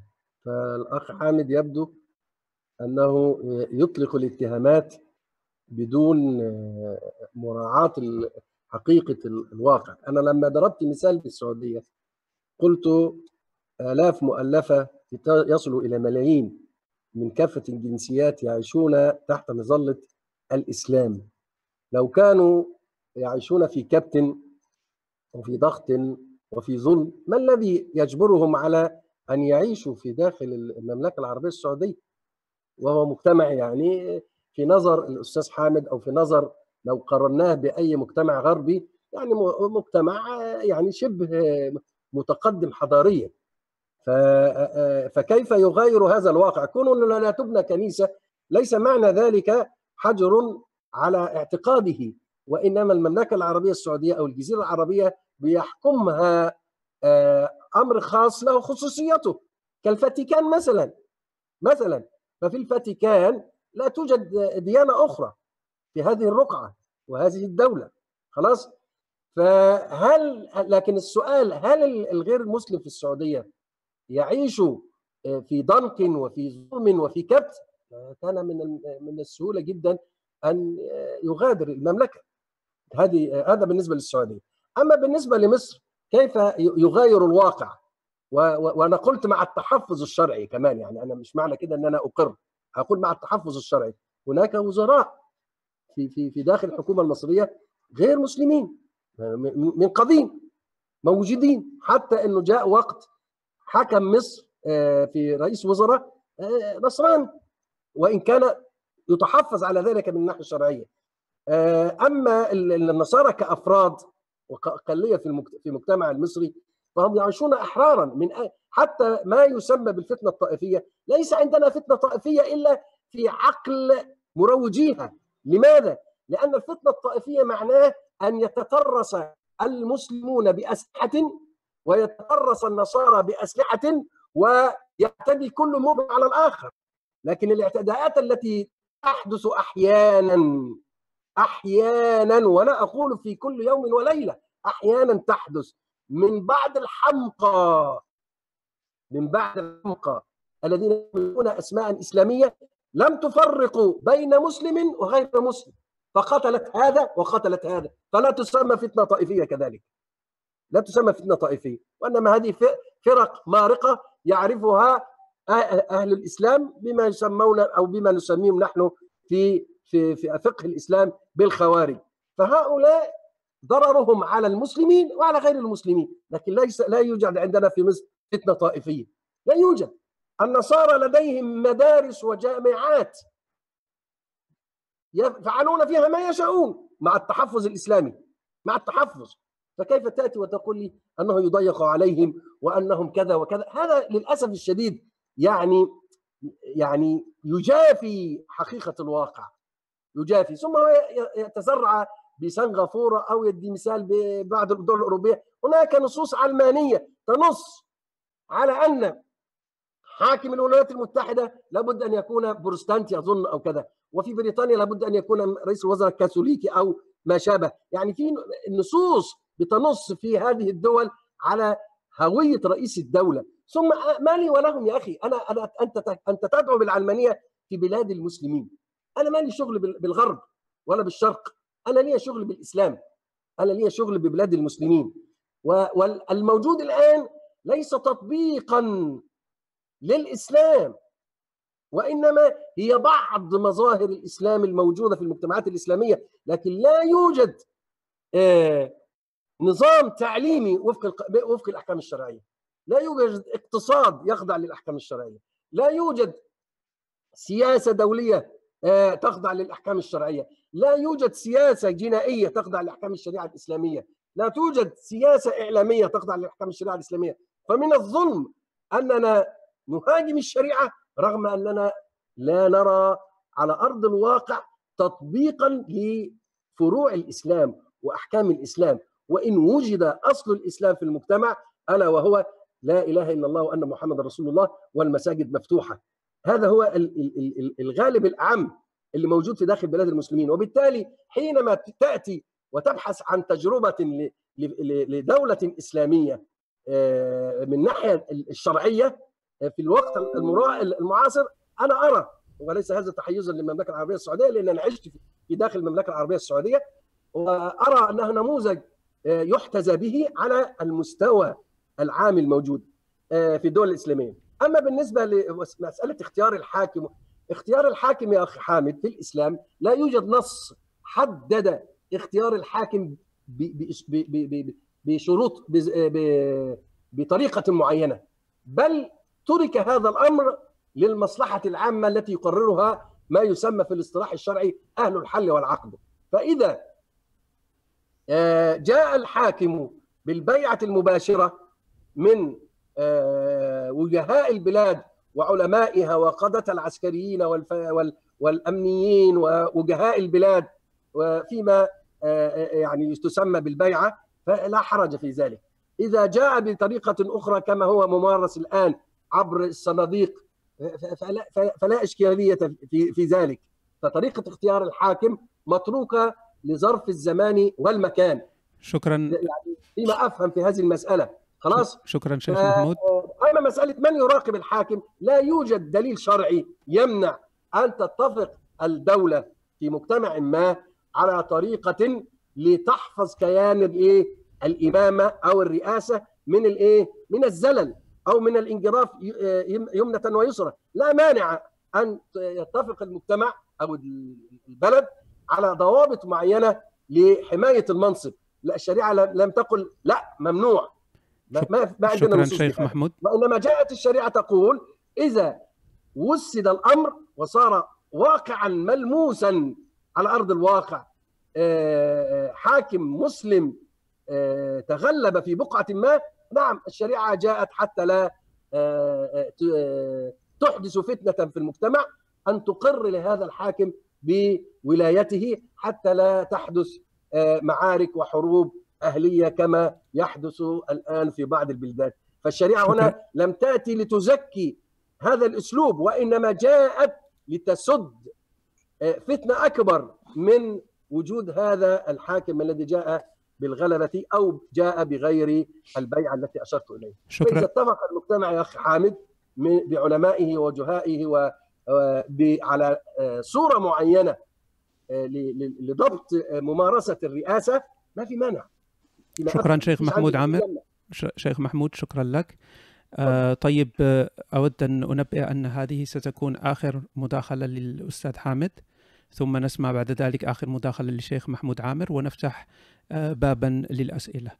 آه أستاذ حامد تكلم الشيخ عن كذلك عن مجموعة من النقاط ذكر في رد على السعودية أنها يوجد الملايين من الناس يعيشون في في المملكة السعودية ولو كانوا يعيشون في ظلم لتركوا البلاد. هم لا زالوا يعيشون هناك. هو أيضا كان يعيش في المملكة السعودية ويرى أنها مثال جيد يحتذى به في البلدان الإسلامية. تكلم عن وزراء في مصر كانوا غير مسلمين مع تحفظ إسلامي كما قال. وللمسيحيين الأقباط في مصر كذلك مدارس وجامعات. وذكر نقطة أن الحاكم في في في الغرب مثلا في أمريكا قال يجب أن يكون مسيحيا آه، وحتى في في إنجلترا كأمثلة آه، توجد شروط يعني دينية حتى يستطيع أن يكون حاكما هناك. وتكلم عن أنه لا يهتم كثيرا لما يحدث في الغرب فهو همه هو البلاد الإسلامية وما عند المسلمين فلا يوجد تطبيق للشريعة الإسلامية ومع ذلك تعيب عليه أن تعيب على الشريعة الإسلامية ما فيها رغم أنها لا تطبق بالشكل المطلوب في البلدان الإسلامية. تفضل أستاذ حامد آخر مداخلة. اولا ليس حقيقيا طبعا أن فيه مواد في الدساتير تنص أن لابد أن يكون رئيس الدولة مسيحي أو بروتستانتي. هذا كلام غير صحيح. لو كانت هناك مادة مثل هذه لألغيت فورا بسبب أن كل الدساتير تحرم التمييز بين أفراد الشعب. كل أفراد الشعب أمام القانون سواء ولهم نفس المدخل إلى الحكم وان يصير وزيرا أو يكون له الحق في امتطاء أي منصب. هذا اختصاص إسلامي بحت الذي يقصر القوامه على المسلم الرجل وحتى المرأة في الإسلام لا قوامة. المرأة في سنغافورة المسلمة ممكن أن تستطيع أن تصبح رئيس الدولة لا تستطيع أن تصبح رئيس الدولة في دولة إسلامية. المرأة في الغرب الكافر تستطيع المسلمة تستطيع أن تصبح قاضية وهناك قاضيات ممنوع على المرأة المسلمة في بلاد الإسلام أن تصير قاضية. المرأة المسلمة في بلاد الإسلام لا تستطيع أن تدلي بشهادتها وحدها ولكنها تستطيع في ألمانيا ودول الغرب أن ليس فقط أن تدلي بشهادتها بل أن تصبح قاضية وأن تحكم بين المتخاصمين القانون أعمى ولا دين له في كل البلدان العلمانية ويقف مسافة الحياد بين الجميع. امزجه الشعوب شيء ثاني أن الشعب يميل أن يكون رئيسه من الأغلبية أو هكذا ولكن اختيار باراك أوباما كان من أكبر الأدلة إن هذا حسب مصلحة الناس حين يقتنعون أن هذا الشخص هو يستطيع أن يعني يمثلهم بشكل أفضل في السياسة. لا توجد عنصرية في الحكم مثلما توجد في الإسلام. إذا كان الذين يعيشون في السعودية زي ما بنقول في مصر أكل العيش مر يا شيخ. يعني في ناس كثير أكل عيشها متوقف على هذا المكان. ولكن انظر كيف تعاملهم السعودية. هل لهم حقوق مواطنة في السعودية؟ لا. العامل ممكن يعيش 20 سنة في السعودية ولا يحصل على الجنسية السعودية. اللاجئ السوري الذي ترك سوريا في 2014 أخذ الجنسية الألمانية الآن في ألمانيا إذا كان لديه عمل أو يدرس في جامعة أو يتعلم حرفة. يعطوا له الإقامة الكاملة. وبعدين بعدها بسنتين يأخذ الجنسية الألمانية. هذا الشيء غير موجود في الدول الإسلامية. وإذا كانت السعودية هي جنة فلماذا لا يفر إليها المسلمون الفرون من ويلات الحروب في العراق وفي سوريا وفي لبنان وفي كل الدول الإسلامية؟ لماذا يتوجهون إلى ألمانيا والسويد؟ لأنهم يعاملون معاملة البشر هناك يحصلون على معونات القانون محايد بالنسبة لهم يعطيهم حقوقهم وينصفهم حتى ضد الدولة. هناك لاجئين أقاموا دعاوى ضد الدولة وكسبوها. وريني لاجئ ممكن يقيم دعوة في السعودية أصلا. بيرحلوه ثاني يوم لو عمل مخالفة في المرور يا شيخ. وهذا الكلام يعني أنا شفته بعيني. ف معاملة عبيد. نوع من الرق يعاش في السعودية زي ما يعاش في بعض دول الخليج الأخرى. فهنا مشكلة الحرية. وهذا يعني النقطة الأخيرة التي أود التطرق إليها. أزمة الإسلام مع الحرية وما تتيحه العلمانية في مجال الحرية. الإسلام ينظر للإنسان على إنه قاصر طفل غير مكلف. لازم يحدد له كل أمور حياته من أكل وشرب وملبس واختياره مشروط إن لو اخترت دي حدخلك جهنم. لازم تختار الاختيار اللي أنا اختاره لك اختاره لك مسبقا. فاذا ما فيش الحرية في الأساس. ما فيش النظر للإنسان على إنه ممكن يقرر مصيره بنفسه إنه يقرر دينه بنفسه. هذه النقطة غير متاحة في الإسلام. من بدل دينه فاقتلوه. هذه يعني واضحة جدا. الحدود موكولة للإمام في الشريعة أو في للحاكم. لا لابد أن تكون هناك لجنة. الحدود أو الأحكام المفروض القانون هو اللي يحددها ويغيرها حسب متطلبات العصر. لو نظرنا كي أختصر الحجج إلى العلمانية نظرية وتطبيقا سنجدها نجحت نظريا وتطبيقا. أعطيك أمثلة. العلمانية أوجدت أسلوب للحكم. كل العالم بيحاول إن هو يقلده الآن. يعني حتى انتخاباتنا الديمقراطية والبرلمانيه أخذناها من الأسلوب العلماني مش من مش من فكرة الشورى وأهل الحل والعقد ولا ولا الحاجات دي. خلاص دي عفى عليها الزمن. كلمة الجمهورية. حتى لما إيران أقامت الثورة الإسلامية وحبت تنشئ دولة ما قالتش الخلافة الإسلامية سموها الجمهورية. وعملوا برلمان وعملوا الوزراء وعملوا كيان دولة. الدولة كيان مبهم في الإسلام. الإسلام لا يعترف بدولة الإسلام يعترف بالأمة والأمة لازم تكون متجانسة. ما غير المسلمين في الأمة هم مواطنين درجة ثانية مثل اليهود والنصارى أو مواطنين لا حق لهم في الوجود على الإطلاق مثل اللادينيين والملحدين أو أصحاب الديانات الأخرى. لا يعترف بهم إطلاقا. العلمانية تنظر للجميع على أنهم سواسية العلمانية نجحت في الطب. كون إن المسلمين في وقت من الأوقات كانوا ناجحين في الطب لم يكن الإسلام هو السبب في ذلك. نجحوا في بغداد وفي دمشق وفي قرطبة حيث كان أصحاب الديانات الأخرى موجودين ويترجمون كتب اليونان، ولكن أين الطب والهندسة والفلسفة في مكة والمدينة؟ ظلوا مدن بدوية تعيش من يعني من من من البداوة. كانوا رعاة غنم حتى يعني أربعينات القرن الماضي يعني ما مش من فترة بسيطة السعودية كان فيها دولة وكان فيها كانت مجرد مجموعة بدوية بدون النفط كل هذه الطفرة ما كانتش هتحصل يعني. نجحت في الطب العلمانية. آه الشيخ آه محمود معروف بمقولته الشهيرة إن هو يشرب بول البعير كتداوي. وليه؟ لأنه مذكور في صحيح البخاري ومتفق عليه في البخاري ومسلم. طيب في حديث ثاني متفق عليه في البخاري ومسلم. عايزين مثال عملي دلوقتي لصحة الإسلام ضد العلمانية. الحديث الصحيح المتفق عليه بيقول فيما معناه يعني عشان ما تمسكنيش على نص الحديث إنه من تصبح بسبع تمرات لم يصبه سم ولا سحر في هذا اليوم أو في ذلك اليوم. أنا مستعد نعمل تجربة على الهواء مباشرة مع الشيخ محمود. بما إنه سبق وشرب بول البعير نجيب سبع تمرات ونجيب سم ويعني يدي لك الصحة زي ما بيقولوا يعني لا أتمنى لك إلا كل خير طبعا. بس تاخد السبع تمرات يا شيخ محمود وتأكلهم. وبعد شوية تجيب لا مؤاخذة يعني تاخد السم وتتناوله وتثبت لي بالمثال العملي أن الشريعة هي الأصح في التداوي وأن ما قاله الرسول هو الأصح في التداوي ويا سيدي التمرات والسم على حسابي.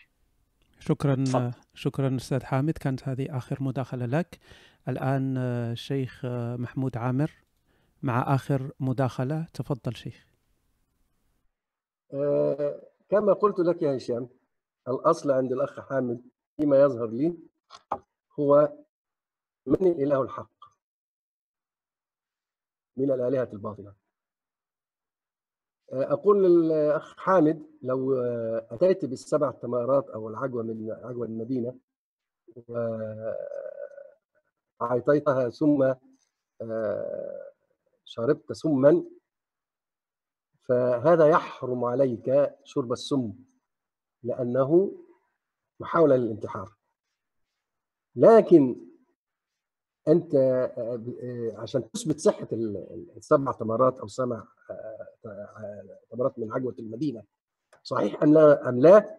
فأنا أوقن تماما بصحة هذا الأمر لكن لا يجوز شرعا أني أتعاطى سما لأثبت لأثبت لك صحة الحديث.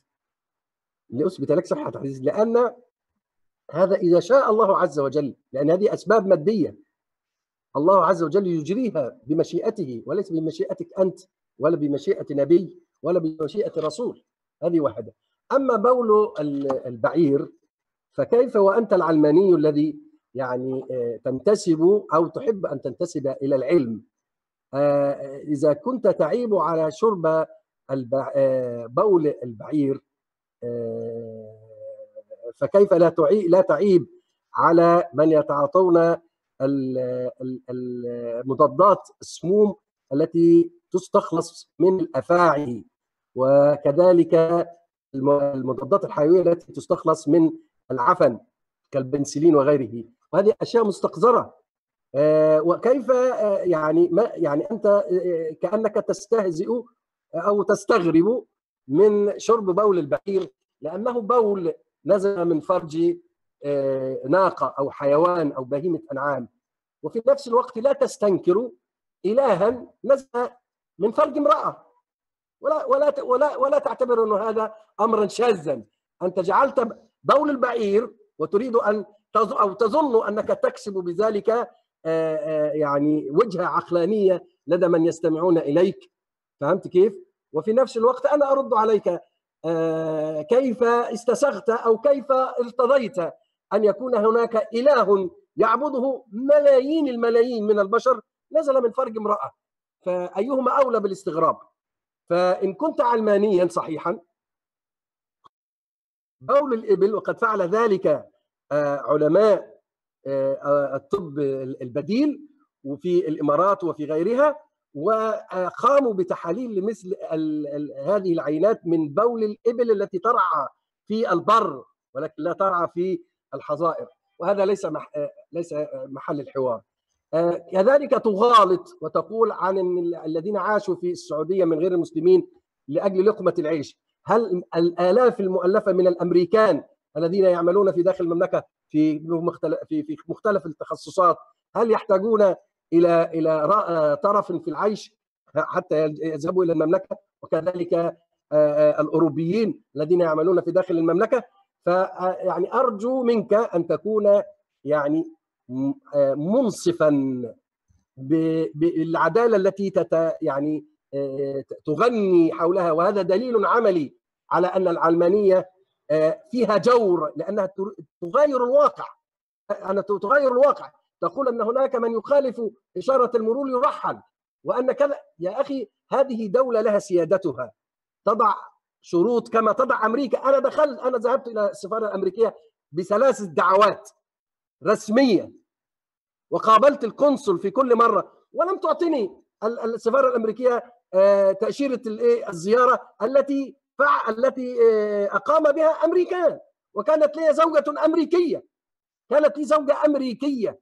ومع ذلك لم توافق السفارة الأمريكية في القاهرة أن تعطيني التأشيرة. يعني هذه نظم دولة. ف ف يعني لا تتغنى لا تتغنى بما يخالف ويجافي الواقع. إذا كنت تريد أن تنادي بالعلمانية في أوروبا هذه تناسب أوروبا وأمريكا ونحن ليس لنا شغل في هذا. أما نحن المسلمين فلنا القرآن أحكامه واجبة للتنفيذ على قدر الاستطاعة والقدرة البشرية وهذا كلام النبي صلى الله عليه وسلم الذي ثبت فعلا إسناده إلى النبي عليه الصلاة والسلام هو عين الحق والذي لا ينبغي أن نتشكك فيه والذي يريد أن يتشكك فله شأنه والذي يرفضه له شأنه. نحن لا نحن ندعو الناس إلى الهداية ولا ندعو الناس إلى إلى ان أن يكونوا تحت وصايتنا. هذا ليس ليس ليس هذا دعوتنا. لكن إذا كان في المسلمين قوة ومنعة وفرضوا ولايتهم على الناس لا شك أن هذا هذا خير وبركة. حينما يأتي مثل هذا الزمان إن شاء الله سيدخل الناس في دين الله افواجا. وقد حدث هذا في التاريخ ولم يحدث إلا في أمة محمد صلى الله عليه وسلم. جاء التتار وهم لم يكونوا مسلمين. وعاشوا في ديار الإسلامية وأسلموا وأصبحوا قادة قادة فتوحات. وهذا لم يحدث في التاريخ البشري أن الغالب يتأثر بالمغلوب ويدين بديانته. يا أخي حامد أرجو يعني نصيحة لله أنك ميت كما أننا ميتون وأننا سنلقى الله عز وجل ونسأل عما عما نفعل. ولكن لا يسأل الله عز وجل عما يفعل لأنه هو الخالق الرزاق المحيي المميت. فينبغي أن تدبر لنفسك قبل أن تتدبر لغيرك. فأنت تريد أنت تخاطب مسلمين. فبضاعتك لا تناسبنا لا تناسب مجتمعاتنا. والأزمة التي تحياها الدول الدول العربية على وجه الخصوص هو هذا الانفصام الموجود ما بين دعاة العلمانية والغرب والفرنجة والتغريب وبين دعاة الإسلام. هذا التناقض اللي موجود في داخل هذه البلاد هو الذي أفقد هذه البلاد قوتها في التنمية. لأنه لابد أن يكون هناك فكر عام موحد. وإن اختلفت الإيه؟ الفروع وإن اختلفت العقائد. لكن لابد أن يكون هناك فكر عام موحد وهو إثبات الألوهية الحق لله عز وجل وسيادة الإسلام على كل مرافق الدولة بما بما ينفع الناس وبما يتلائم مع ظرفهم الزماني والمكاني. الإسلام لم يأتي جملة واحدة ليطبق على الناس. ما فعله النبي صلى الله عليه وسلم. النبي عليه الصلاة والسلام جلس في قومه أكثر من 13 عاما ولم تنزل تشريعات. بل لم تنزل التشريعات إلا في أواخر العهد المدني لأن المجتمع قد تربى على الإسلام وقد استوعب الألوهية الحقة وفهم أركان الإسلام. وأنا أختم يا أخي هشام نعم شيخ. فيما يستنكره البعض كالأخ حامد أو إسلام بحيري أو أو إلى آخره من كلام مكرر نحن نعلمه من قبل على فكرة. هذا ليس جديدا سواء بول البعير أو حديث الذبابه أو حديث التمرات السبع أو إلى هذا ليس جديدا على فكرة هذا قديما. سمعناه من محمود أبو ريا وغيره في أيام طه حسين وأيام العقاد. أنا أقول مقولة تريح المسلمين ولا يعنيني غير المسلمين الآن. الذي يعنيني في غير المسلمين أن يؤمنوا بالله الواحد الأحد ويؤمنوا بنبوة محمد صلى الله عليه وسلم. هذا الذي يعنيني. أما المسلمين الموحدون أقول لهم ما قاله أبو بكر الصديق رضي الله عنه. حينما جاءت قريش إلى أبي بكر وقالت له إن صاحبك أي محمد صلى الله عليه وسلم زعم أنه قد أسري به من ليلته من المسجد الحرام إلى المسجد الأقصى وعاد من ليلته. لأن هذا أمر يخالف العقل البشري لأن العقل البشري محدود مهما صعد إلى الفضاء ومهما صنع الصناعات إلى آخره الا أنه أمام حقيقة التأليه ضئيل جدا. شكرا أظن ثانية واحدة أستاذ هشام معلش اسمح لي بس بثواني. تفضل. فقال أبو بكر الصديق إن كان قالها يعني اشترط عليهم هل فعلا قال ذلك محمد صلى الله عليه وسلم أم لا؟ فقد صدق. قالوا كيف؟ قال يا قوم إني أصدقه أبعد من ذلك. أصدقه أن يأتيه الخبر من السماء. وأنا أقول لحامد ولغيره. نحن نصدق محمدا صلى الله عليه وسلم. أنه يأتيه الخبر من السماء من الوحي. الا نصدقه في سبع تمرات. الا نصدقه في حديث الذبابة. الا نصدقه في بعير في بول في بول البعير. يا قوم أين عقولكم؟ وصلى اللهم على محمد. شكرا شيخ محمود. سنفتح الآن بابا للإجابة على الأسئلة. وستكون بالتناوب. سأعطي سؤال لل للأستاذ حامد عبد الصمد ثم للشيخ محمود عامر والمرجو رجاء إن أمكن الإجابة في دقيقة أو دقيقتين حتى نأخذ أكبر عدد ممكن من الأسئلة. السؤال الأول هو للأستاذ حامد عبد الصمد. يقول السؤال هو أن العلمانية خرجت من أوروبا من دول مسيحية صراع بين الكنيسة وبين الدولة فهل هذا هذا المنتوج صالح لأي دولة بأي نظام أم هو يصلح فقط للدول المسيحية التي كانت فيها سيطرة الكنيسة؟ نعم التليفون خرج من أوروبا والعالم كله استخدمه. نظام الحكم الديمقراطي القائم على البرلمانات خرج من أوروبا ومن الغرب والعالم كله استخدمه. معظم المنتجات التي في بيتي وفي بيت الشيخ محمود وبيت الأخ اللي سأل لو بص حواليه مش حيلاقي منتج إسلامي حيلاقي كلها منتجات جاءت من الغرب.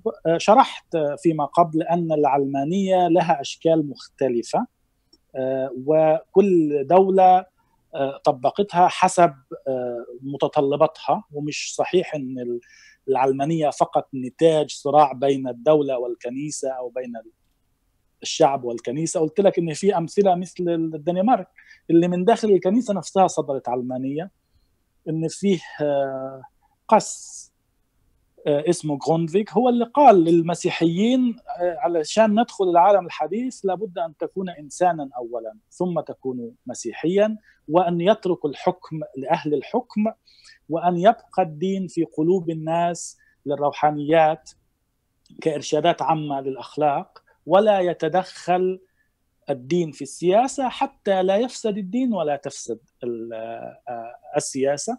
والتجربة العملية أثبتت. قلت لك حاول تتمشى في دولة علمانية وتشوف فيها القوانين والنظام واحترام حقوق الإنسان ودولة القانون وبعدها تعال تمشى في آه، الرياض. أو في مقديشيو أو في كابول أو في آه، نيجيريا في المناطق اللي تحكمها بوكو حرام أو في السودان. وسترى الفرق سترى الفرق أن من يحكم باسم الله سيجور. لماذا؟ ثلاث جمل قالها الشيخ في آخر مداخلة لي. ورأيتك لماذا العلمانية ولماذا لا للشريعة. قال الله لا يسأل عما يفعل. وبما أن الله مشرع اذا اذا فشرائعه وقوانينه لا يمكن أن نتساءل حولها، لا نستطيع أن نغيرها، لا نستطيع أن نضع علامات استفهام حولها. ثاني شيء قال الشيخ لا يعنيني غير المسلمين.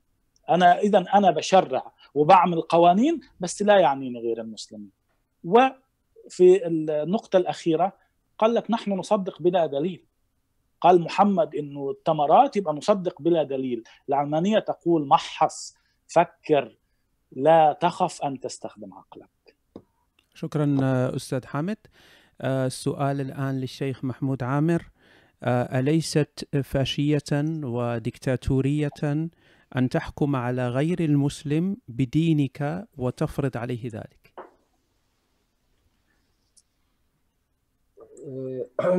يا أخي الفاضل المسلمون في العالم كله يحكمون بغير شريعتهم ويتعايشون في هذه المجتمعات. فلماذا يسلب هذا الحق من الإسلام.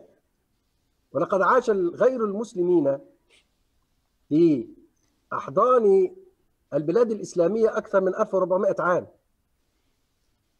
يعني ما الذي ما الذي حدث؟ لا زالت النصرانية موجودة في بلاد المسلمين.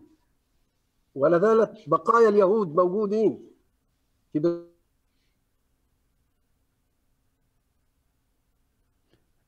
أه لا يوجد صوت شيخ؟ لا يوجد صوت؟ تسمعون صوت؟ الصوت انقطع تماما. نعم.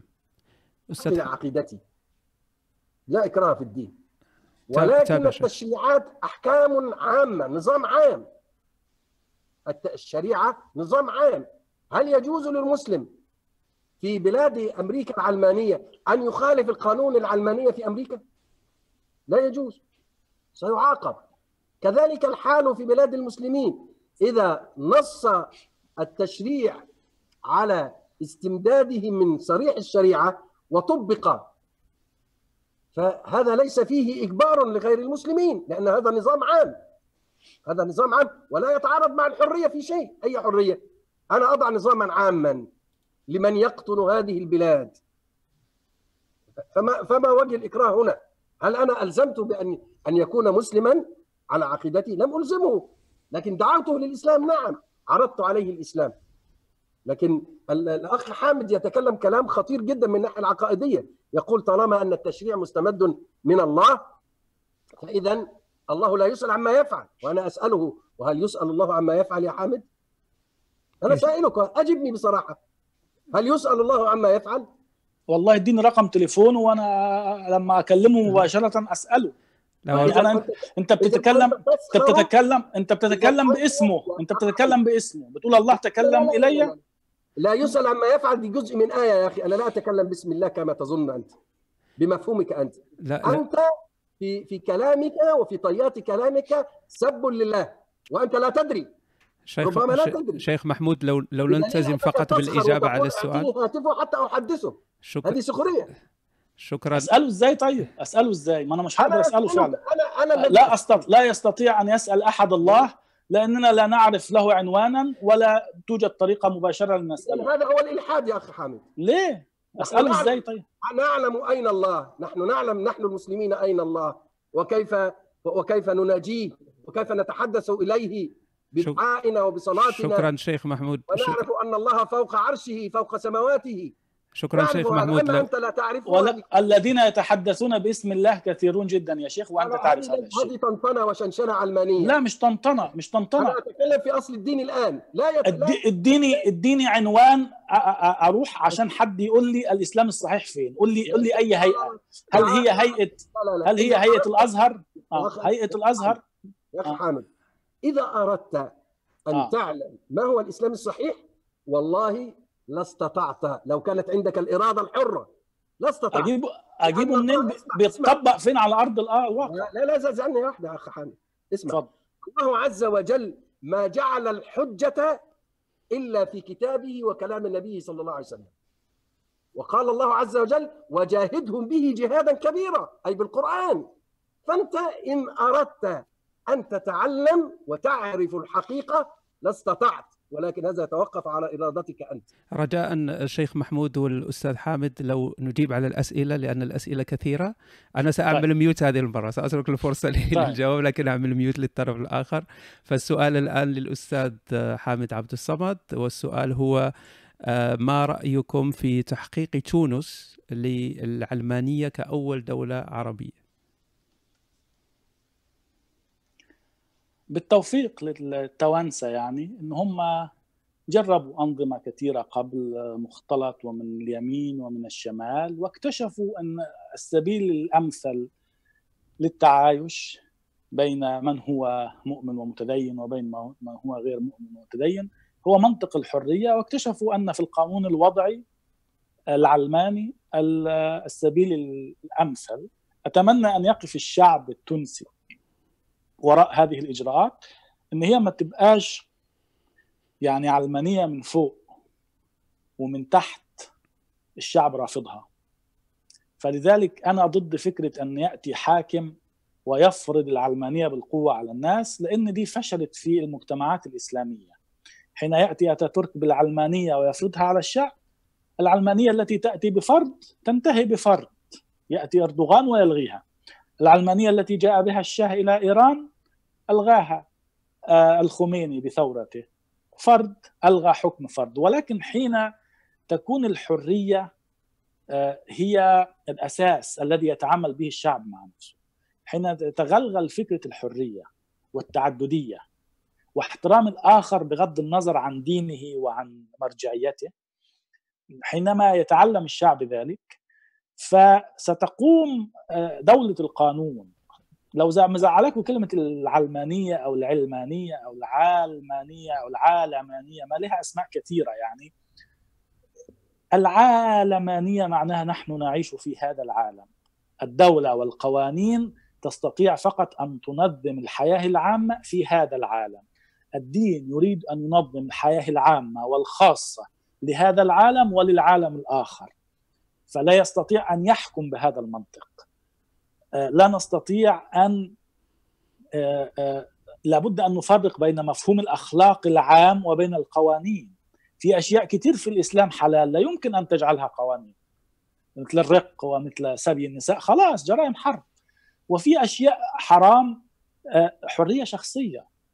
عايز تشرب كحول هذه حريتك الشخصية ما ما ضرتش حد. شربت كحول وسقت السيارة وصدمت حد تدخل الحبس. وتعاقب مرتين كمان.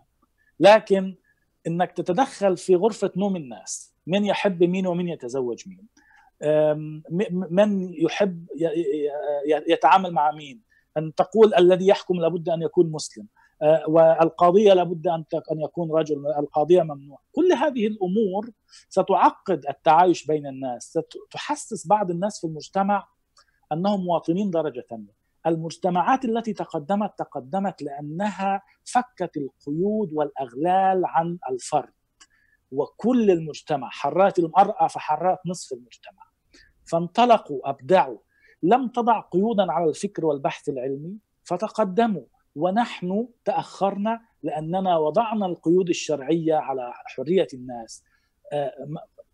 الإنتاج والإبداع ضئيل جدا في بلادنا لأن الحرية معدومة والحرية هي شرط الإبداع. وحتى الوقت في التاريخ الإسلامي الذي كان فيه بعض الانفتاح والتقدم في العلوم ما كانتش الشريعة بتطبق.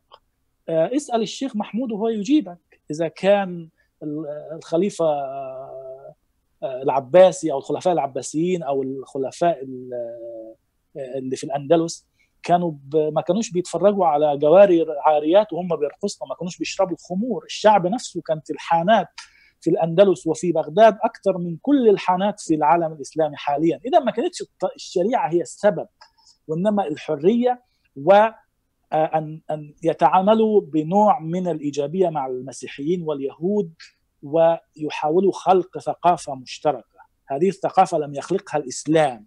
ولكن خلقتها الشعوب التي تلاقحت سواء فارسية سواء أمازيغية سواء عربية سواء بيزنطية يونانية سواء يمنية الحضارات القديمة كلها. ولكن حين تم نزع الإبداع والحرية عن هذه الشعوب تخلفت وكان للدور للدين دور رئيسي في هذا التخلف. شكرا أستاذ حامد. للأسف بقيت فقط دقائق معدودة. سأعطي فيها الفرصة للشيخ محمود عامر للإجابة على سؤال وهو يقول السؤال الشيخ محمود ما هو الأهم؟ أن تكون مسلما أم تكون انسانا اولا؟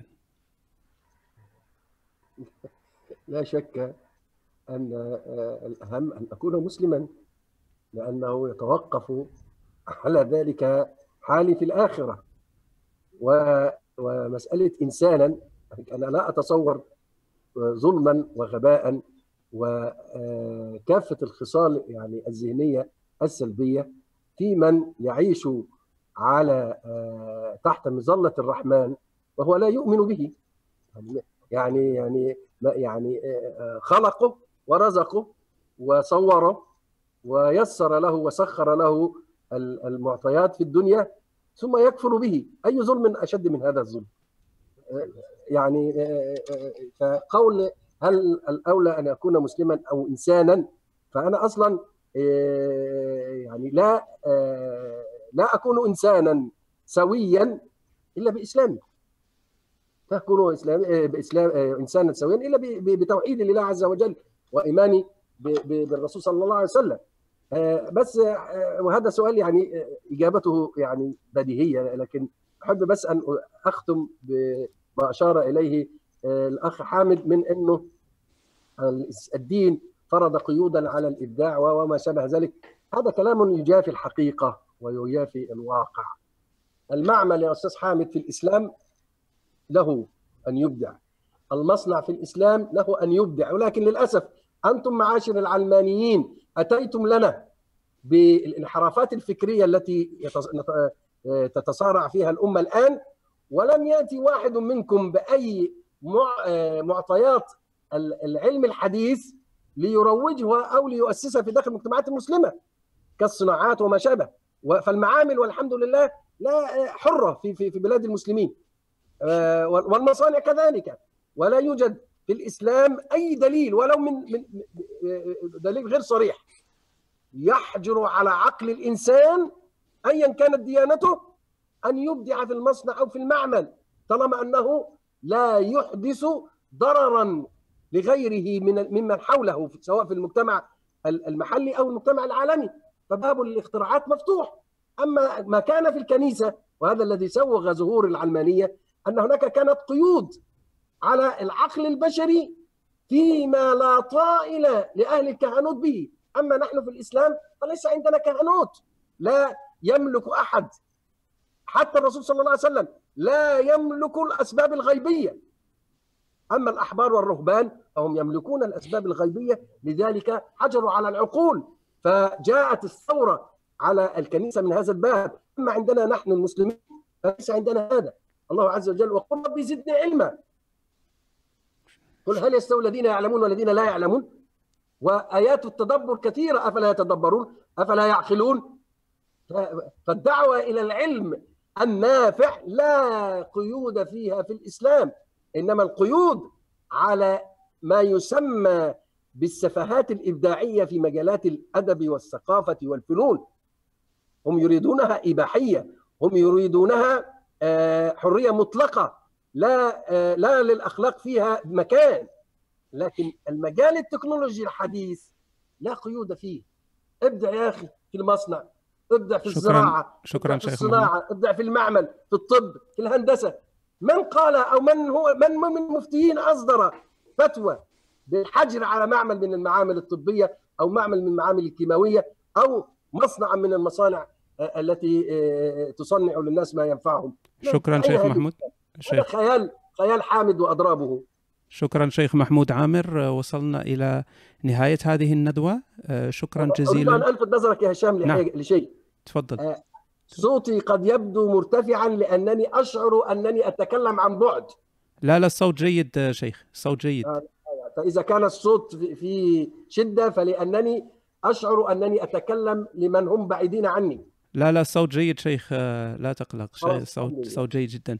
إذا شكرا جزيلا للشيخ محمود عامر والأستاذ حامد عبد الصمد. شكرا لكل من تابع هذا اللقاء. تحياتي للجميع وأراكم قريبا في لقاءات أخرى. تحياتي. حياكم الله. شكرا.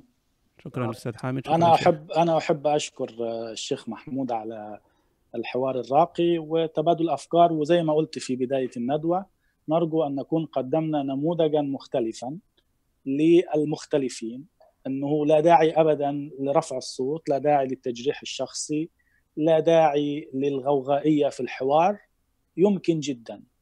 مهما تباعدنا في وجهات النظر أن يكون آه، لكل منا وجهة نظر مختلفة ومع ذلك نتحاور مع بعض في باحترام ونختلف ونحن إخوة في الإنسانية.